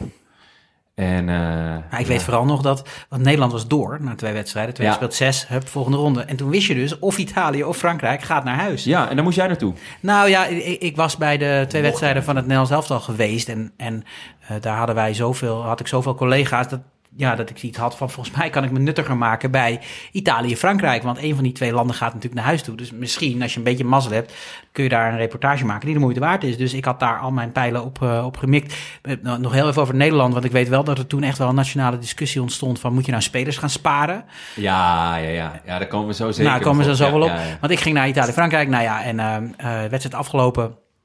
We hadden op voorhand al gezegd, ik had tegen, tegen de cameraman waar ik mee eh, was gezegd, we gaan gewoon all in, we gaan op Henry. Ehm, als die uitgeschakeld is, weet je, is een van de grote sterren van dit toernooi. Eh, en we zien wel, en dan ga ik hem proberen na afloop te interviewen. En als het niet lukt, dan lukt het niet. Nou, zo gezegd, zo gedaan. Dus de hele wedstrijd Henry gevolgd. Ita eh, Italië gaat eronder verder, dus Frankrijk ligt eruit. En er was een, een, een, een mixzone met allemaal van die punten na afloop. Ja, en, en, en honderden mensen natuurlijk in die mixzone. Ja, en iedereen wil naar Henri spreken. Dus, dus uh, en, en er, was nog een uh, Italiaans sprekende collega... en die kwam op een gegeven moment naar me toe... en zei, we kunnen linksback van Italië spreken. Ik zeg, ja. Wie is er nou in Nederland geïnteresseerd in... Grosso, of niet? Nou, toen ook. Ja, dat Ja, zou, ik denk ik... Nou, weet ik niet. Ja, ja, maar niet uit. Ehm, ehm, maar ik had zoiets, ja, ik heb hier nu een goede plek en ik zie het wel. Ik blijf gewoon staan. En eh, ja, eh, als ik niet Henri spreek, ook goed. Maar dan gaan we naar huis en dan ga ik een biertje drinken. En ook. Maar die mixzone, dat is die, die zone met zo'n groot reclamebord daarachter. Ja, en dan lopen en die hebt- spelers en je hebt een- vanaf de je hebt kleedkamer, neem ik Je aan. hebt een Naar... be- betaald deel. Ja, dat klinkt een beetje... Maar bij, bij een wedstrijd van Nel zelf staan wij zeg maar eh, een stuk eerder. En eh, als je gewoon als buitenlands medium bij een, bij een wedstrijd, dus Italië-Frankrijk komt, dan sta je eigenlijk... En daar moet je voor betalen? Nou, wij betalen natuurlijk voor het toernooi. Dus, Ja? dus heel veel, Ah. wij betalen natuurlijk heel veel geld om, Ja, om een ja. toernooi uit te mogen zenden. En dan dan mag je ook die mixzone in. Alleen dan kun je, als je nog een, een eigen plek wil, met een eigen cameraman. En een, dus, dus ja, eh, dan moet je dus per wedstrijd extra betalen om, om Ah. zo'n soort plek te hebben. Hetzelfde met, met, vet. alle, met alle grote toernooien, ook, ook met Olympische Spelen en met dat soort. Dus dan kiezen wij ook sporten waar we wel, eh, waar we wel eh, vooraan willen staan en waar we niet vooraan willen staan. Nou goed, hier stonden wij helemaal achteraan. Ehm, maar als Henri- dan eh, alle, alle eigen media te woord heeft gestaan, nou, dan kiest hij er altijd nog wel één of twee uit. En vaak is dat de BBC en zo. Maar ik stond echt een soort van perfect. En hij komt zo die deur doorlopen. En ik zeg, eh Mr. Henri, do you have a couple of minutes for Dutch? Hij speelde in, in Engeland, dus ik wist wel dat ik hem in het, in het eh, Engels kon interviewen. En die, heeft, die heb ik toen vier minuten gesproken of zo. Dus dat was... heel vet. ja, dat was toen Ja. wel, weet je, toen loonde het om gewoon niet eh, als, een, eh, als een kip zonder kop eh, heen en weer te gaan rennen en bij iedereen één soort van quoteje op te halen. Maar Ja. het was gewoon een heel rustig gesprek met, eh met Thierry Henry. En we hadden dus van de hele wedstrijd eh, beeld, want we hadden die camera opgezet. Dus het was eigenlijk wel een hele leuke, leuke dag had ik toen. Want op hetzelfde moment speelde natuurlijk Nederland tegen Roemenië, die verschrikkelijke 2-0. Ja, en kwam, kwam hij eh, los of wa- was, was Was hij hij... was natuurlijk heel teleurgesteld, Heel teleurgesteld, maar ja. hij was heel, heel goed. Hij heeft natuurlijk vaker wedstrijden verloren in zijn carrière. Dus hij weet wel dat dat erbij hoort. En, en, en ja, zo iemand eh, eh, kun je dan alles vragen. En vindt hij dan leuk dat je ook echt die beelden hebt van hem? Nou, dat weet hij niet. Oh, nee, oh, Nee, dat weet nee, hij niet. weet je, ja. dat ga je dan, eh, dan ga je eh, twee uur later op je hotelkamer ga je dat zitten Ah, monteren. ja, vet, nee, dat ja. weet hij niet. Komt wel altijd over als een enorme gentleman. Is dat ook zo? Ja, ik heb hem natuurlijk niet vaak. Ik, ik ga nu niet net, net doen alsof mijn beste vriend is. Maar, Ja, maar ja, ja, je hebt er wel op- vaker gesproken dan wij ik heb hem wel, ja, maar, maar gebaseerd op toen, absoluut. Ja, nou ja, ja. Behalve die hensbal. Ja, precies. Ja. Was, Ja. dat dit, was dat dit EK? Nee, Nee, toch? Nee, later. 14, denk ik. 14? Ja. Zo laat? Nou, Dat denk ik. Want het Tegen was, Ierland nou, was het ja, in ieder geval. Ja, of was het 10? 2010 of 2010 denk 2014. ik. doet er verder niet ja. toe. Eh, dan dus nog even over die verschrikkelijke wedstrijd, zoals je zei, Nederland-Roemenië. Nederland wijzigde de opstelling op negen plaatsen. Ja. En daar was veel, eh, veel discussie over. Moet je de- zo'n elftal uit hun ritme halen? Of moet je ze juist... eh, moet, je, moet je ze sparen of, of juist eh, laten spelen? Ehm, ja, ik vond ja, toen jij zei op negen plaatsen, dat klinkt echt ontzettend veel. Maar als je dan naar de opstelling kijkt, dan, ja, dan oogt het toch nog best vertrouwd. Met gewoon wel Engelaar erin, eh, Van Persie, Robben erin. Afvalai die al zijn minuutjes had gehad. Alleen die hele achterhoede is anders. Ehm, maar negen plaatsen is natuurlijk wel veel. Je had wel het ritme uit je elftal. Even de achterhoede nog voor de complete. de Claire, Bauma, Heitinga, Boularus en op de goal Stekelenburg. Ja, Ja, kijk, het is, dit is natuurlijk echt enorm achteraf eh, praten. Ik weet dat er vooraf ook een discussie over is Ja. geweest. Door een hoop mensen kunnen ook hun gelijk halen dat ze dat vooraf ook al hebben gezegd. Ja, eh, ze, ze, ze wonnen niet in de kwartfinale. Ja. Dus natuurlijk is het dan heel Ja. dom. Waarom, waarom wissel je dat? Ja, dat is makkelijk achteraf. Kijk, als ze wat fitter de halve finale en de finale in waren geweest, had je, had je gezegd van eh, wat slim dat je, ze, dat je die wedstrijd niet hebt laten spelen. Maar goed, ik weet dat ik er toen ook niet zo'n enorm fan van was. Misschien had je wat meer eh, basisspelers eh, moeten laten spelen en ze wat, wat, wat eerder moeten wisselen. Maar goed, ehm, ja, ik, ik ben nooit zo'n fan van dat gewissel. Maar ehm, ja, het is, het is gewoon... De winnende coach heeft gewoon altijd gelijk. en in dit geval dus niet. Nee, en in dit geval gewoon niet. En eh, ze- volgens mij Robben die ook voor de kwartfinale dan nog geblesseerd afhaakt. Dat was dan niet door deze wedstrijd, maar gewoon omdat het Robben was. Ja. Eh, ja, en ik snap het ook wel, want je wil ook... Het is wel een beetje als je iemand moet sparen. Ja, dan zou ik. Dat zou ik toch sparen. Ja, ik weet niet hoor, maar... ik kan me wel voorstellen dat er ook wel heel veel gretige boys op de bank zaten. En je wilt toch ook... Ja, Robben eh, moest er even ritme op doen. Hè? Dat ge- is een serieuze nee, opmerking klopt. hier. Dus, eh, ik, ik snap wel dat hij, het, dat hij het doet ook om het gevoel te geven aan de rest. Van, nou, jullie zitten er wel bij, jullie horen erbij, jullie zitten er ook tegenaan en ik kan jullie gewoon opstellen. Eh, alleen negen man, ja, is wel, is wel veel. Maar goed, het wordt 2-0. Een intikker van Huntelaar en een eh, schot in de korte hoek van, eh, van Persie. Ja, En vooral dat juichen van Van Persie Heel staat me zo bij. Want hij die, met die hele mooie motoriek... en dan doet hij dat soort stierenvechtersgebaar. Of, zo. Ja, zo'n soort, of een soort dirigent. nee, ja, zo- stierenvechters volgens mij, ja. Ja, heel mooi. Ja, dat was echt een vette jaag. En hij is in deze wedstrijd ook de één na snelste speler van dit EK geworden. Met een topsnelheid van 31,53 kilometer Is dit per een uur. eh, gesponsord stukje in de podcast? Nee. Ja, was het maar zo. Want daar staan we allemaal voor open. Nee, ja, ehm, nou, vind ik wel een opvallend, opvallend statistiek. Ik heb hem niet in mijn hoofd als een heel snelle speler. Misschien komt dat door de, door de laatste vier jaar of zo van zijn carrière. Maar blijkbaar was hij toch gewoon wel echt fucking snel. Of ben ik nog gek? Nou ja, blijkbaar wel op dit eh, EK. En trouwens geen idee wie nummer 1 is. Nou, dat lijkt me Robben. ja, nou, dat Nee, was- geen idee, maar je, dat, in zou je toch wel... 2014, toch? Dat zou je wel zeggen, toch? Dat hij die sneller is dan Van Persie, maar goed. eh, Ja. Nou goed. Ja. Ehm, dan ja. naar de kwartfinale. Ook met zo. Dan naar de kwart. Ja, want, want het is ook, als je dit dus zo, ja, wij zitten dit dan een beetje voor te bereiden en al die samenvattingen te kijken en op YouTube en eh, alle artikelen te lezen. En er is echt een stortvloed te vinden over die eerste twee wedstrijden. En ook bij Rusland en is er één Russische samenvatting van een kwartier. Ja. Ja. Voor, er is kijk, echt niks te vinden. Wat je, wat je in de algemene erover. zin nog wel over dit, dit toernooi kan vertellen is... is ehm, kijk, ik, ik weet nog heel goed waar wij zaten. Want wij met de NOS hadden natuurlijk een, een dagelijkse avondprogramma. En eh, dat is dan in de buurt van, van waar het Nederlands elftal zit. Dat was ergens eh, in de buurt van, van Bern, Basel, daar. Ehm, ja, en, dat, en, en het Nederlands elftal had daar wel een goede plek gevonden. Natuurlijk eh, de, de, de welbekende oranje campings... ehm, ze hoefden nooit ver. Ze mochten, eh, ze, ze mochten altijd een beetje in de buurt blijven. En wa- wa- wat ik nog wel heel erg weet in aanloop naar, naar Nederland-Rusland. Want, want ja, ik bedoel, over Nederland-Roemenië hoef ik natuurlijk niet al te veel te zeggen. Is natuurlijk dat ze, dat ze toch wel een beetje angst hadden voor Hiddink. Want het Ja. was niet, het was niet Nederland-Rusland. Het was vooral Ne- eh, Nederland tegen Hiddink natuurlijk. Die ehm, eh, to- eh, toen veel meer dan nu eigenlijk. Want hij is natuurlijk nu al een tijd eh, uit beeld in, eh, in Nederland. Maar, maar toch nog heel erg veel lijnen had in dat, eh, in dat Nederlandse voetbal. En ik weet nog wel, twee jaar daarvoor was hij ook eh, heel erg in beeld geweest. Want toen was hij eh, op dat WK met Australië. En toen hebben wij hem ook heel nadrukkelijk gevolgd. Dus hij kwam op die grote toernooien altijd wel heel erg in beeld. Ja, en nu had hij toch een beetje, een, een beetje een moeizaam team was dat, dat, dat Rusland. Ik zal even te kijken. Maar ja, wie mij natuurlijk heel erg bijstaat is natuurlijk de man die de wedstrijd won voor, eh, voor eh, Rusland. Is uh, Shirkov, die linksback. Die in andere wedstrijden op Ja. rechts, rechts gespeeld had. En die, ehm, of andersom.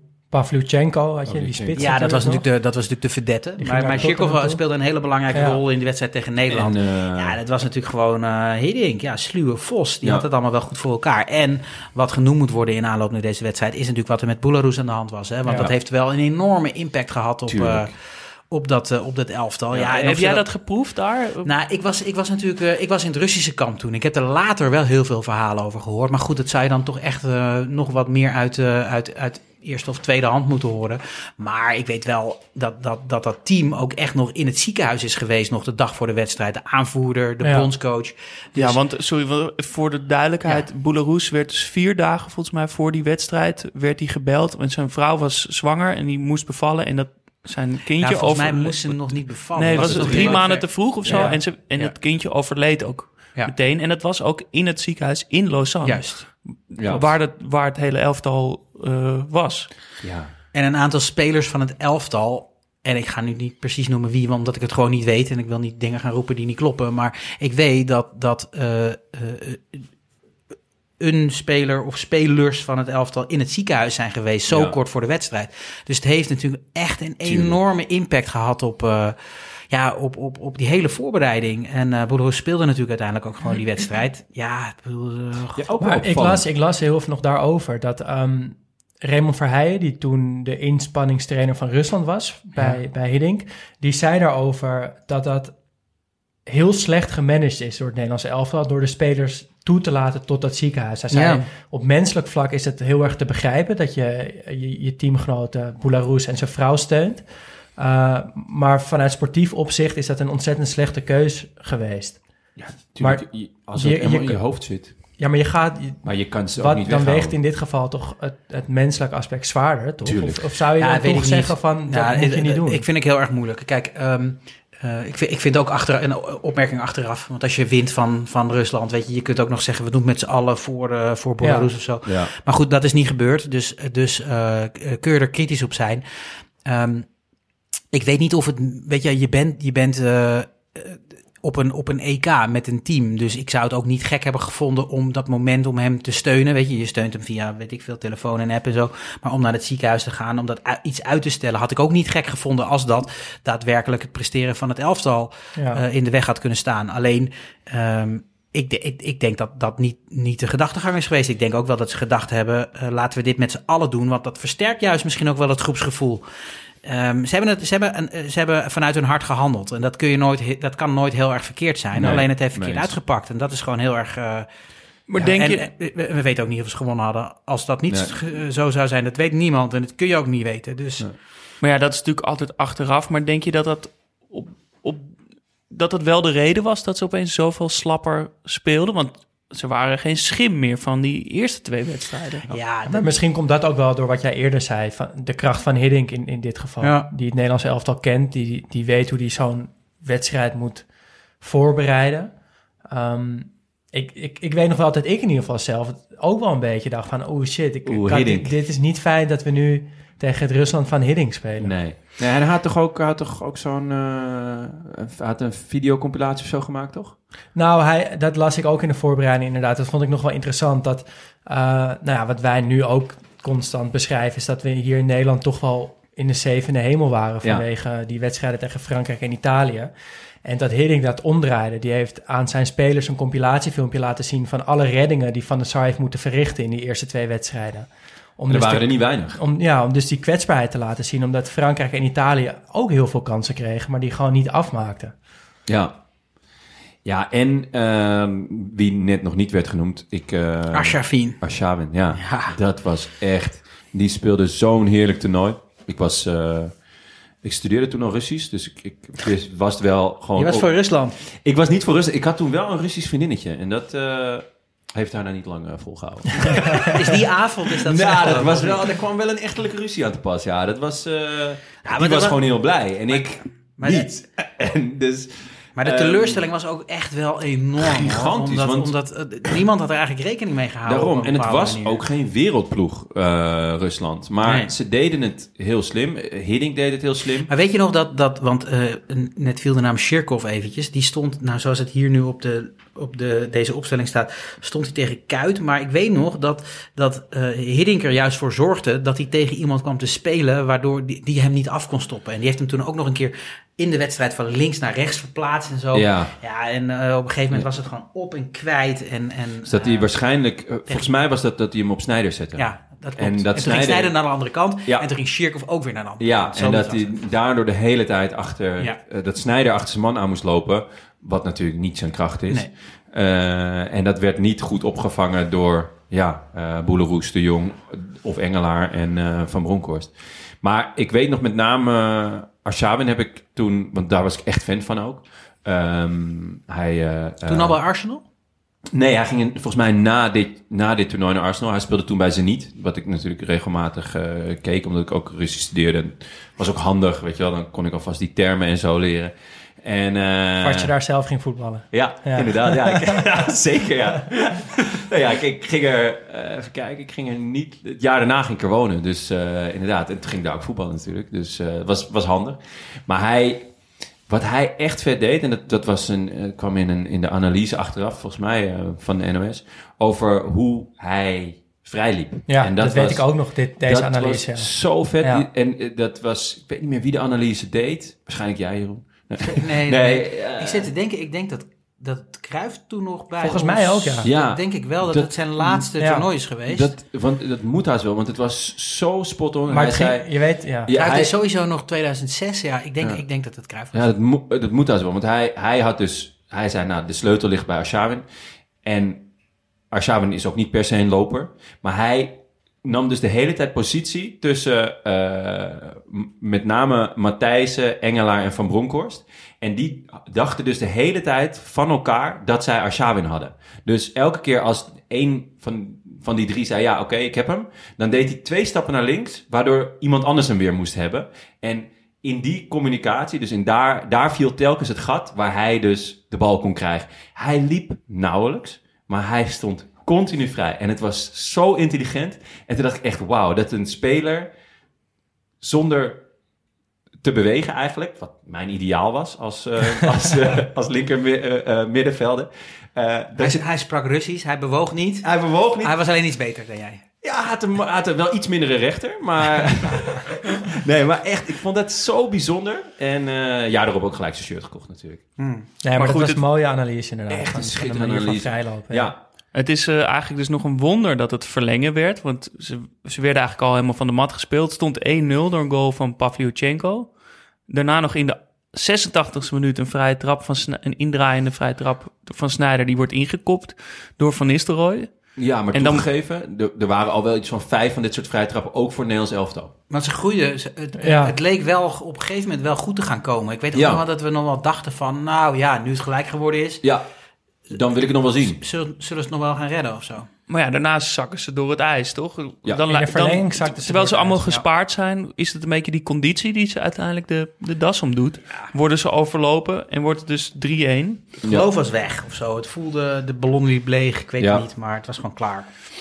En Ja. hoe was dat dan na afloop in het, in het Russische kamp waar, waar jij dan... eh, Nou, wat, ik nog weet, de ellende droop natuurlijk van, van dat Nederlands team af. En wat ik nog heel erg goed weet, eh, want, want ehm, een, een groot deel van de NOS-equipe is klaar op het moment dat Nederland is uitgeschakeld. Want geen huis, want, want dan geen EK-journaal meer en geen nou, et cetera, et cetera. Maar ik ging in het spoor van Hiddink. Dat was natuurlijk op dat moment wel heel leuk. Dus ik de volgende dag, ik weet niet meer precies waar het trainingskamp was, naar de, dat, naar de, de, de plek waar zij gingen trainen. En ehm, eh, dat- team gaat trainen en we stonden langs, eh, langs dat veld. En er, er stonden denk ik 70, 80 cameraploegen. Echt, echt niet normaal veel. Ik heb het niet vaak in mijn, in mijn eh studio sportloopbaan zoveel cameraploegen gezien.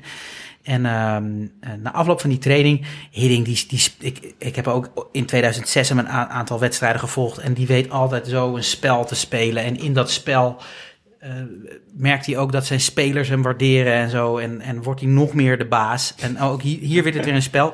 Want je moet je voorstellen dat die, eh, die Russische spelers spraken bijna niemand van hen sprak Engels. Dus al die cameraploegen, buiten die twee Russische cameraploegen, wilde Hidding spreken. Want die spreekt, nou ja, die spreekt alle talen zo ongeveer. Dus alle Spanjaarden en Zuid-Koreaans. nou, nou, ja, maar, maar serieus, die, die, dat spreekt hij niet. Maar er is wel een Zuid-Koreaanse cameraploeg sinds 2002 altijd om, Ja. om Hiddink waar dan ook te volgen. Dus eh, nou ja, meer dan 70 cameraploegen. eh, en Hiddink die, die, die, die struint een beetje naar de zijkant van het veld na afloop. Die praat tegen die man van de UEFA. Die vraagt aan hem, hebben jullie een persconferentie georganiseerd? Wat helemaal gewoon het werk van die Russische ploeg is. Dus dit, dit was al allemaal, dat weet Hiddink natuurlijk ook donders goed. Maar goed, hij hoopte ook, want dat, werd hem, dat, dat gesprek viel een beetje dood. En hij hoopte denk ik ook wel, dat, want hij deed het zo dicht in de buurt van mij en mijn kamer, dat hij ook wel wist van, nou, als hij een beetje assertief is, dan valt hij wel in. Dus ik spreek hem aan en hij komt inderdaad met veel aplomb komt hij aan. Hij was gewoon Hidding die Nederland had verslagen en die Ja. daar wel even een showtje wilde maken, nog even voor, voor de camera van de NOS. Heeft ons toen te woord gestaan, maar, en dat, dat siert hem dan ook wel weer, ehm, daarna heeft hij die, al die mensen te woord gestaan. Dus ik ben dat onderwerp... 70 man. Ja, ik ben het onderwerp gaan monteren. Nou ja, drie uur later hadden we dat doorgestraald. En hij stond nog steeds interviews te geven.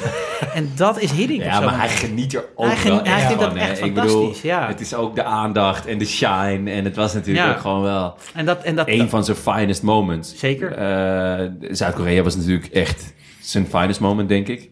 Ehm, qua Hiddink zijn, gewoon de totale Hiddink-principe. eh, was Zuid-Korea toch denk ik wel eh, eh, het bom. Maar dit kwam wel echt heel erg in de buurt. Hij is in Rusland was hij ook echt ja, dat zat hier gigantisch. in hij de en Rits in. Moskou, weet je. Ja, en nu ja, de ja. flessen wijn en de sigaren. Dat, Ja. is wel een, dat is natuurlijk wel een plek die bij hem past. Ja, ja, ja. Maar denk je dat hij ook al die 70 mensen te woord had gestaan als hij had verloren? Nou, Is het- hadden er geen 70 is het- mensen gestaan. ja, dat dan waren ze er gewoon afgedropen naar huis. Nee, maar hij is wel een goed verliezer hoor. Hij is ook wel, eh, hij is ook wel goed, goed naar, naar media als die, eh, als die heeft verloren. Maar natuurlijk is die dynamiek heel anders. En dan, nee, hij had, niet, had ook geen 30 cameraploegen te woord gestaan als hij had verloren. Dat, en dat snap ik ook wel. Tuurlijk. Dat begrijp ik ook wel hartstikke goed. Maar dit was, dit was, dit was Hoe, ja, eh, hoe was Van Basten na dat verlies? Poeh, nou, dat weet ik echt niet. Nee? Nee. Hoe was hij überhaupt? Heb je hem wel eens gesproken? Ja, zeker. Niet, niet heel vaak, maar ik heb hem als bondscoach wel eens ook. Ik heb hem ook eh, op de, eh, de, de, de, de twee minuten nadat bekend werd dat hij bondscoach werd, heb ik hem gesproken. Ja? Toen was hij trainer bij Jong Ajax. Hè? Oh, Dat ja, was, ja, ja, eh, ja. Dus dat is een grappig verhaal. Ik weet niet of we er nog tijd voor hebben. Ja, nee, zeker. Daar maken we tijd voor.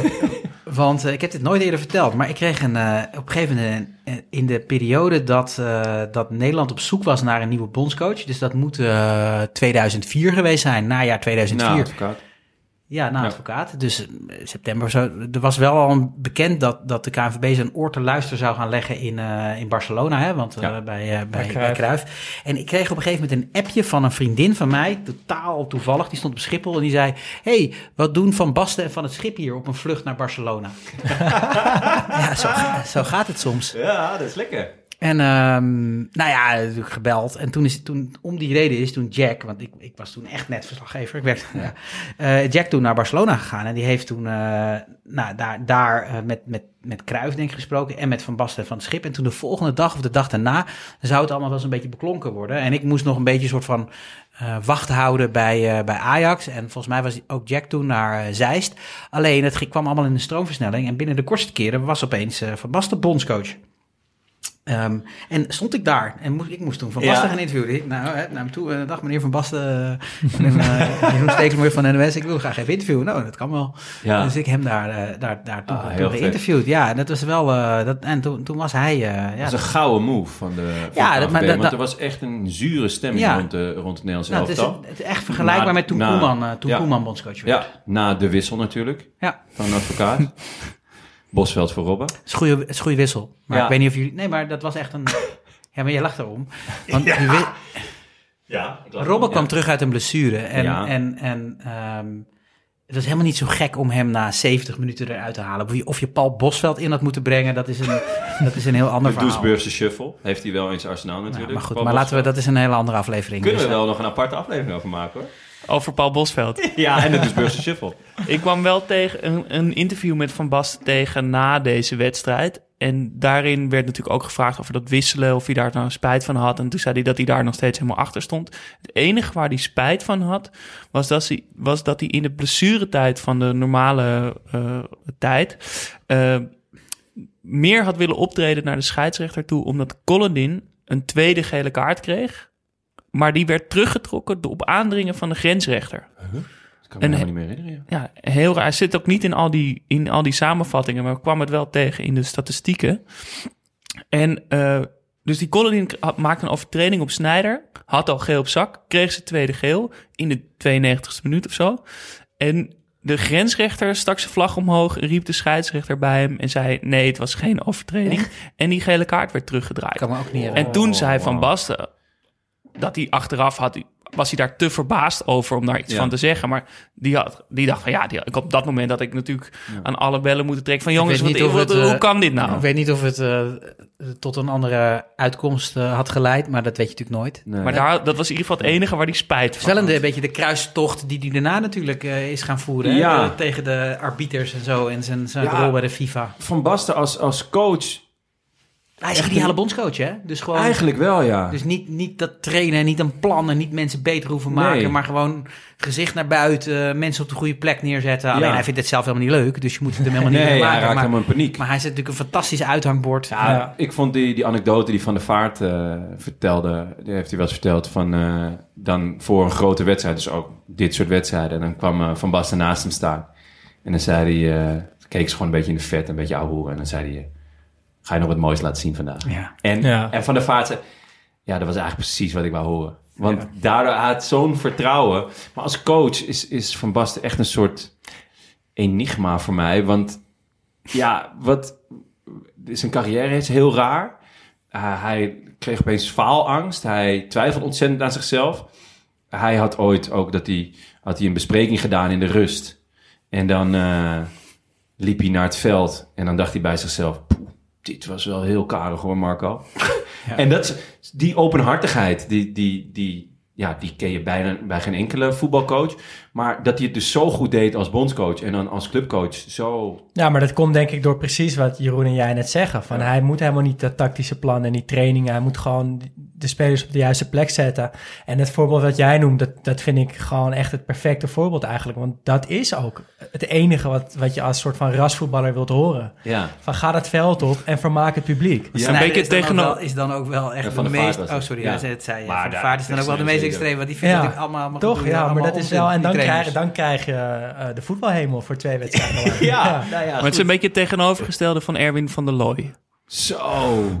Toch? Ik zat naar dat, dat eh, open, Jong Oranje opent de deuren en die haalt Ja. echt, zuigt elke plezier en elke Ja. vrolijkheid, eh, zuigt die eruit. Ah, Nou, dat, is wel, ja, maar dat is wel lekker, want hij hoeft dus nooit, eh, als hij dus aan het koken is of zo, heeft hij nooit een kort aan azijn bijvoorbeeld. Dus het is gewoon heel relaxed. Kan hij altijd eventjes naar het toilet en dan hop. Beetje azijn, een beetje olie, peper en zout en je hebt gewoon een prima, prima sausje voor de sla. Dat is Erwin van der Looy. Verschrikkelijk, echt verschrikkelijk. Nou, dat was, dat was denk ik de, met dit, met, met eindigen met Erwin van der Looy. Dit EK 2008. Is toch, toch knap. Nou, Ehm, niet maar we kunnen een kleine... Ja, sorry. nou kijk, eh eh Jeroen zijn eh, broer is assistent. Ja. Heb je niet nog wat eh, leuke nieuwtjes, insight, info? We komen woensdag online. Is dan de definitieve selectie al bekend? Woensdag wordt om vier uur... Is er een persconferentie. Ah, deze komt om Waar, half zes waar, online. waar Frank de Boer hem al toelicht. wat, Dus dan zal die... eh, zal die nou ja, kunnen we al melden dat kan Sint-Just toch- is afgevallen? Ja, maar jij, jij- maar jij bent een slimme jongen. Je- Als jij gewoon Zeker, die, zeker. die 34 namen erbij pakt, dan denk ik dat je hooguit op één of twee twijfelgevallen uitkomt. Nou, Ja. is dat allemaal zo spannend om dat dan nog, nog te weten? Nee, toch? Nee, maar misschien wat andere leuke, leuke insights. Jeetje. ehm, Oh, jij hebt een leuke, Nee, kijk, een ik leuke probeer- anekdote over, over jouw broer? Oh, ja. Wil je dat? Oké. Bij HFC, Ja. ja. Ja. Ja, Nou, Nou, dat- vertel. ja dat Ik ben ook wel benieuwd. mooie. nou, ik eh, speelde bij, eh, in het eerste op zondag eh, als jong jochie, 19, 20 jaar. En ik, was, ik, speel, ik vond dat ik toen te weinig speelde. Dus toen zei ik, nou, dan stop ik ermee. Dan ga ik naar de zaterdag 1. Toen hebben wij nog Ehm, tegen elkaar gespeeld. Ja, toen heb ik een halfjaartje daar gespeeld en dat ging hartstikke goed. En toen werd Maarten, jouw broer, werd trainer bij de zondag. En die kwam een keertje kijken en die zei, nou, die, Daan wil ik wel eigenlijk wel weer terug naar de zondag... samen met Tim Wilfraat en Floris Dokkum, die het, hetzelfde pad bewandeld. En toen heb ik dus eh, in de Holiday Inn met jouw broer afgesproken... en nog iemand van de technische commissie van AFC... om dus die overgang... Eh, nee, die was die, eh, om die overgang te beklinken. En maar ik vond het heel raar toen dat dat niet gewoon in de, in de kantine bij AFC kon. Het moest dus een soort van semi-geheim een beetje zijn. Dus dat was bij die Holiday Inn 200 meter op, verderop. op de hoek Ja, bij de ja. Europalaan daar zo. Maar dit is het Ehm, jaar dat, dat, dat eh, AFC op degraderen stond en Precies. uiteindelijk het wel Ja, nee, de- en hij zou toen... Dus 2013 of zo. Precies, toch? en hij zou toen het jaar daarna ook onze Ja. trainer zijn. Ja. En toen kwam ik er weer bij. Uh, maar dat ging niet door, want toen ging hij naar de onder 16 van Ja. Nederlandse elftal, geloof Ja. ik. Nou, dat, Ja. dat is nu een paar stapjes omhoog. Uh, nu assistent bondscoach voor, voor het EK. Ja. Ja, heel vet. Ja. en ik, heel af en toe uh, kom ik hem nog wel eens tegen op Swift. Volgens mij speelt hij af en toe uh, een Ja, power, Power League, doen we. Ja, tenminste, eh, ik niet meer zo, want mijn Nee. knie, knie eh, laat het niet toe, maar dat klopt. Ja, Paulik, op welke dag? Woensdag. Ah, jammer. Ja, wij speelden dat op donderdag. Anders heb ik nog wel tegen hem gespeeld. Ehm, maar een, Nee, een- maar een korte nee. vooruitblik op, twee, op, op komend EK. Ja, Daarom eh, hebben we het natuurlijk nu over Nederland. eh. nieuwtjes. Is, wat, wat hebben we... een, eh, Korte, ik eh, heb er, eh, nou ja, kijk, de beste nummers drie gaan ook door. We, we zullen wel bij de eerste twee eindigen in de pool, denk ik. Maar ik verwacht niet eh, heel veel, om heel eerlijk te zijn, van de Nederlandse elftal. Ik vind ook andere selecties echt opvallend sterk. Ja, vind ik Ehm, ook. Ik, de- Nederland hoor, heeft gewoon... ik denk dat Frankrijk en Duitsland en Spanje en België... Zeker, ja. Nou goed, je kan zo Ja. zes eh, landen noemen die echt een betere selectie hebben dan Nederland, vind ik ook. Maar goed, Griekenland is ook wel eens een Europees kampioen geworden. Ja. Dus, eh, en Nederland heeft, eh, heeft toch echt wel een aantal Europese topspelers. Zeker. Die ook op plekken staan waar ze echt het verschil kunnen maken. Denk je natuurlijk vooral aan Frenkie de Jong. Ja. Dus eh, het kan mee, als het mee zit, dan kan er van alles gaan gebeuren. Maar Nederland is absoluut niet, vind ik, favoriet om, eh, om, om zomaar eventjes de halve finale te gaan halen. Nee, dat niet. Dus, dus je hebt niet de volle toernooi in je agenda Zeker wel. opgeschreven. Ja, dat moet je Blijf, blijf je dan Je hebt wel tot week het één eind? vakantie geboekt, merk ik. Ja. ik, ik, als het Nederlands elftal eruit ligt, dan, eh, dan ga ik naar huis. Tenminste, als, het, als ze dat heel vroeg doen, dan ben ik nog thuis. Want het begin van het toernooi is gewoon in Nederland. Dus als ze Oh, naar de pool uit liggen, dan. Eh, maar goed, dat is natuurlijk voor ons ook wel een vrij ingewikkeld toernooi. Want eh, ze kunnen eh, eh, na Nederland kunnen ze Budapest, Baku. Maar ze kunnen ook eh, Londen, München, Londen. En ze kunnen ook nog in Sint-Petersburg. uit, eh, ik, Ja. Dus ik heb mijn paspoort al ingeleverd voor een Russisch visum. Wat, Ja. waarschijnlijk nooit, oh, nou, wat waarschijnlijk nooit gebruikt gaat worden. Kan maar, ik voor je regelen. Kan ik voor je regelen. Nee, dus, Voor een nominaal tarief. maar goed, ik ben het heel erg mee eens met wat jij net zegt. Ja, ze, het is best, best een oké selectie. Maar er zijn wel echt andere landen die, ja, die toch echt wel een hele goede, hele goede selectie hebben. Als je kijkt wat Duitsland heeft ook voor selectie. Ja, ja, absoluut. Ik ben vooral benieuwd naar de sfeer. eh, of er echt zo'n EK-sfeer gaat komen. Ja, ben ik ook benieuwd. naar. Omdat het dus Ja. in allemaal verschillende landen is. Ja, en omdat het toch een ook beetje nog aan. een soort van lockdown... eh, Dat vooral, hoor. Ja, dat, ja. Want dat, die, al, al die ja. landen met, met zo'n voetbaltoernooi heb je nooit. Kijk, bij de Spelen is dat echt, bij de Olympische Spelen is dat echt anders. Want dan is het in één stad. Ja. De Ja. hele stad die is, die is Olympische Spelen. Maar zo'n voetbal, weet je, soms Ja, zijn er gewoon je- zes dagen geen wedstrijd in München of in Stuttgart of in. Nee, dus maar je noemde wel net... je hebt eh, wel van die dat- fanzones. Ja, en, en je noemde dus dat, dat eh, waar, de, de EK waar we het net over hebben gehad, hoe die Ja. oranje sfeer dat- daar aan ja. het, aan het, er, er bruiste wel wat. Maar, maar Dat kan even, natuurlijk hier even ook. los van, van al, die, al die ellendige coronaregels, zou dat nu toch ook kunnen? Je, je Ja. zou toch in Ja. Kopenhagen en in Sint-Petersburg en Ja. in Bilbao een, een, een fanplein kunnen hebben. Ja. Even los van de regel, van de regel waar, waar, Ja. dat wel heel erg leeft. Nee, ja, Alleen het- ja, dat zal nu Het niet zou- gaan ja, gebeuren. het zou, het zou, ja, ja ik, ben, ik ben benieuwd of dat gaat gebeuren. Kijk, eh, als je Maar namelijk... nee dus. Want Nee, want het mag niet. Nee, ja, Ja. ja, ja. Oké. We gaan lekker Afgehamerd. op de tv zitten allemaal. Ja. En jij gaat maandag, dat is dus nu eergisteren, als dit Ja, wordt uitgezonden, ja. dan, dan ga jij al, ben jij al... eh, Maandag 24 vertrokken. mei komt, eh, komt een deel van de selectie voor het eerst bij elkaar in Zeist. En dan hebben ze een driedaagse stage. Dan gaan ze naar huis op eh, woensdag. Dan drukt eh, Bas Ticheler, de perschef, op de knop. En dan krijgen wij allemaal de definitieve selectie te zien. Die gaat Koeman dan... Of Koeman. Freudiaanse bespreking. Nee, die gaat Frank was het nog maar Koen? ja? Die gaat Frank de Boer dan eh, om eh, vier uur eh, ja, Over, voorlezen. over Frank de Boer gesproken. Uitleggen, verdedigen, zo, eh, verklaren op een persconferentie. Zo komen we nooit bij een einde, joh. Nee, maar steeds. even Frank de Boer. Meer, veel meer acteertalent dan ik had verwacht. Ah, je bedoelt in eh, Ferry. Ja. Ik had het. Ik, als, als je van iemand zegt van nou, die kan niet acteren. Frank de Boer. Maar het was, eh, was niet slecht, toch? Of heb je die Ik heb hem niet gezien? gezien. Nee. Ah, ja, ik heb het wel gezien. Ja, was leuk. dat was goed gedaan, toch? Ja. ja. Nee, eh, hoe heet die, die, eh, die PSV'er? Die, eh, Ach man, Die- Frank Lammers. Frank Lammers, ja. Die, ja. Die, eh, is dit nou? die, eh, die speelt de rol Ferry. En die, eh, ja, die zet Frank aardig onder druk om eh, te vertellen wat de selectie is.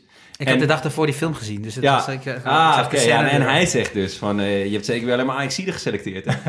Dat vind ik wel best grappig. ja, nee, dit was genieten.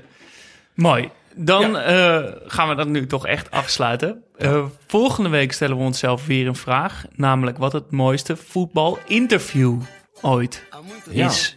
En eh, dat is natuurlijk ook een beetje in de geest van, eh, van jou. Eh, schiet jou al meteen iets, iets te binnen, Jeroen? Wat, is, er, is er het, het interview? Ja, er schieten me vooral ook grappige dingen. Ja, Nou ja, dat telt. Jean-Marie Pfaff, ik weet niet of je die kunt herinneren. Nou, eh, eh, zoek die dan voordat jullie die van volgende week maar eens op. In enorm steenkolen Duits. eh, als de keeper is van Bayern München.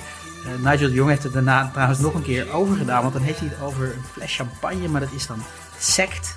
Maar hij verstaat seks. Dus dat wordt een, een, een Babylonische spraakverwarring. Ah, vet. Ehm, ja, goed. En, eh, en ik, ik- wat ik me bijvoorbeeld ook wel kan herinneren is eh, na Zweden-Nederland. Die fout van Stroopman, die toen op de bal ging staan. Weet je, het wordt uiteindelijk 1-1 met het afgekeurde doelpunt van, van Dos. Ah ja. Eh, toen sprak Bert na afloop met eh Stroopman. Dat deed hij ook geweldig. Gewoon een heel goed interview. Dus gewoon namelijk heel sterk. Ja. Ja, eh, Jack met Snijder op schoot. Ja, Ja, eh, ja, ja. dat, zijn, dat zijn natuurlijk Zeker klassiekers. komen, ja. Dat zijn wel ja, klassiekers. ik heb er ook al wel eentje hand. Ik weet er ook al eentje. Hou hem nog even vast. hè. Ja, ja. ik, mag ik de report alvast verklappen? ja, dat mag. Maxime Hartman. Leuk. Interessant. Ja, Mooi, nou, dankjewel, dankjewel Jeroen. Graag Fijn dat je hier eh, wilde zijn. zeker. Leuk. U luisterde naar Studio Socrates, gepresenteerd door Daan Sitorius, Jonne Seriese en mezelf, Jasper Gottlieb, met als gast Jeroen Stekelenburg. Vond je het leuk? Abonneer je dan en laat een review achter, zodat we makkelijker te vinden zijn. Maar, belangrijker nog, Ik zie, heel, ik zie dat Jon het tekstje heeft veranderd. dit tekst is altijd voor mij nieuw, ik lees het niet van tevoren door. Daar gaan we. Maar, belangrijker nog, gun je Daan een laptop jonger dan Jurien Timber. Word dan vriend van de show en geef Daan de technische update die hij verdient. Ga naar vriendvandeshow.nl slash Studio Socrates en word vriend. Heb je een vraag of een verbetering? Sluit dan in onze DM op Instagram, studio-socrates. Of stuur een bericht, maar liever nog een, een spraakbericht naar vriendvandeshow.nl slash Studio Socrates. En de mooiste spraakberichten maken kans om in blessuretijd afgespeeld te worden.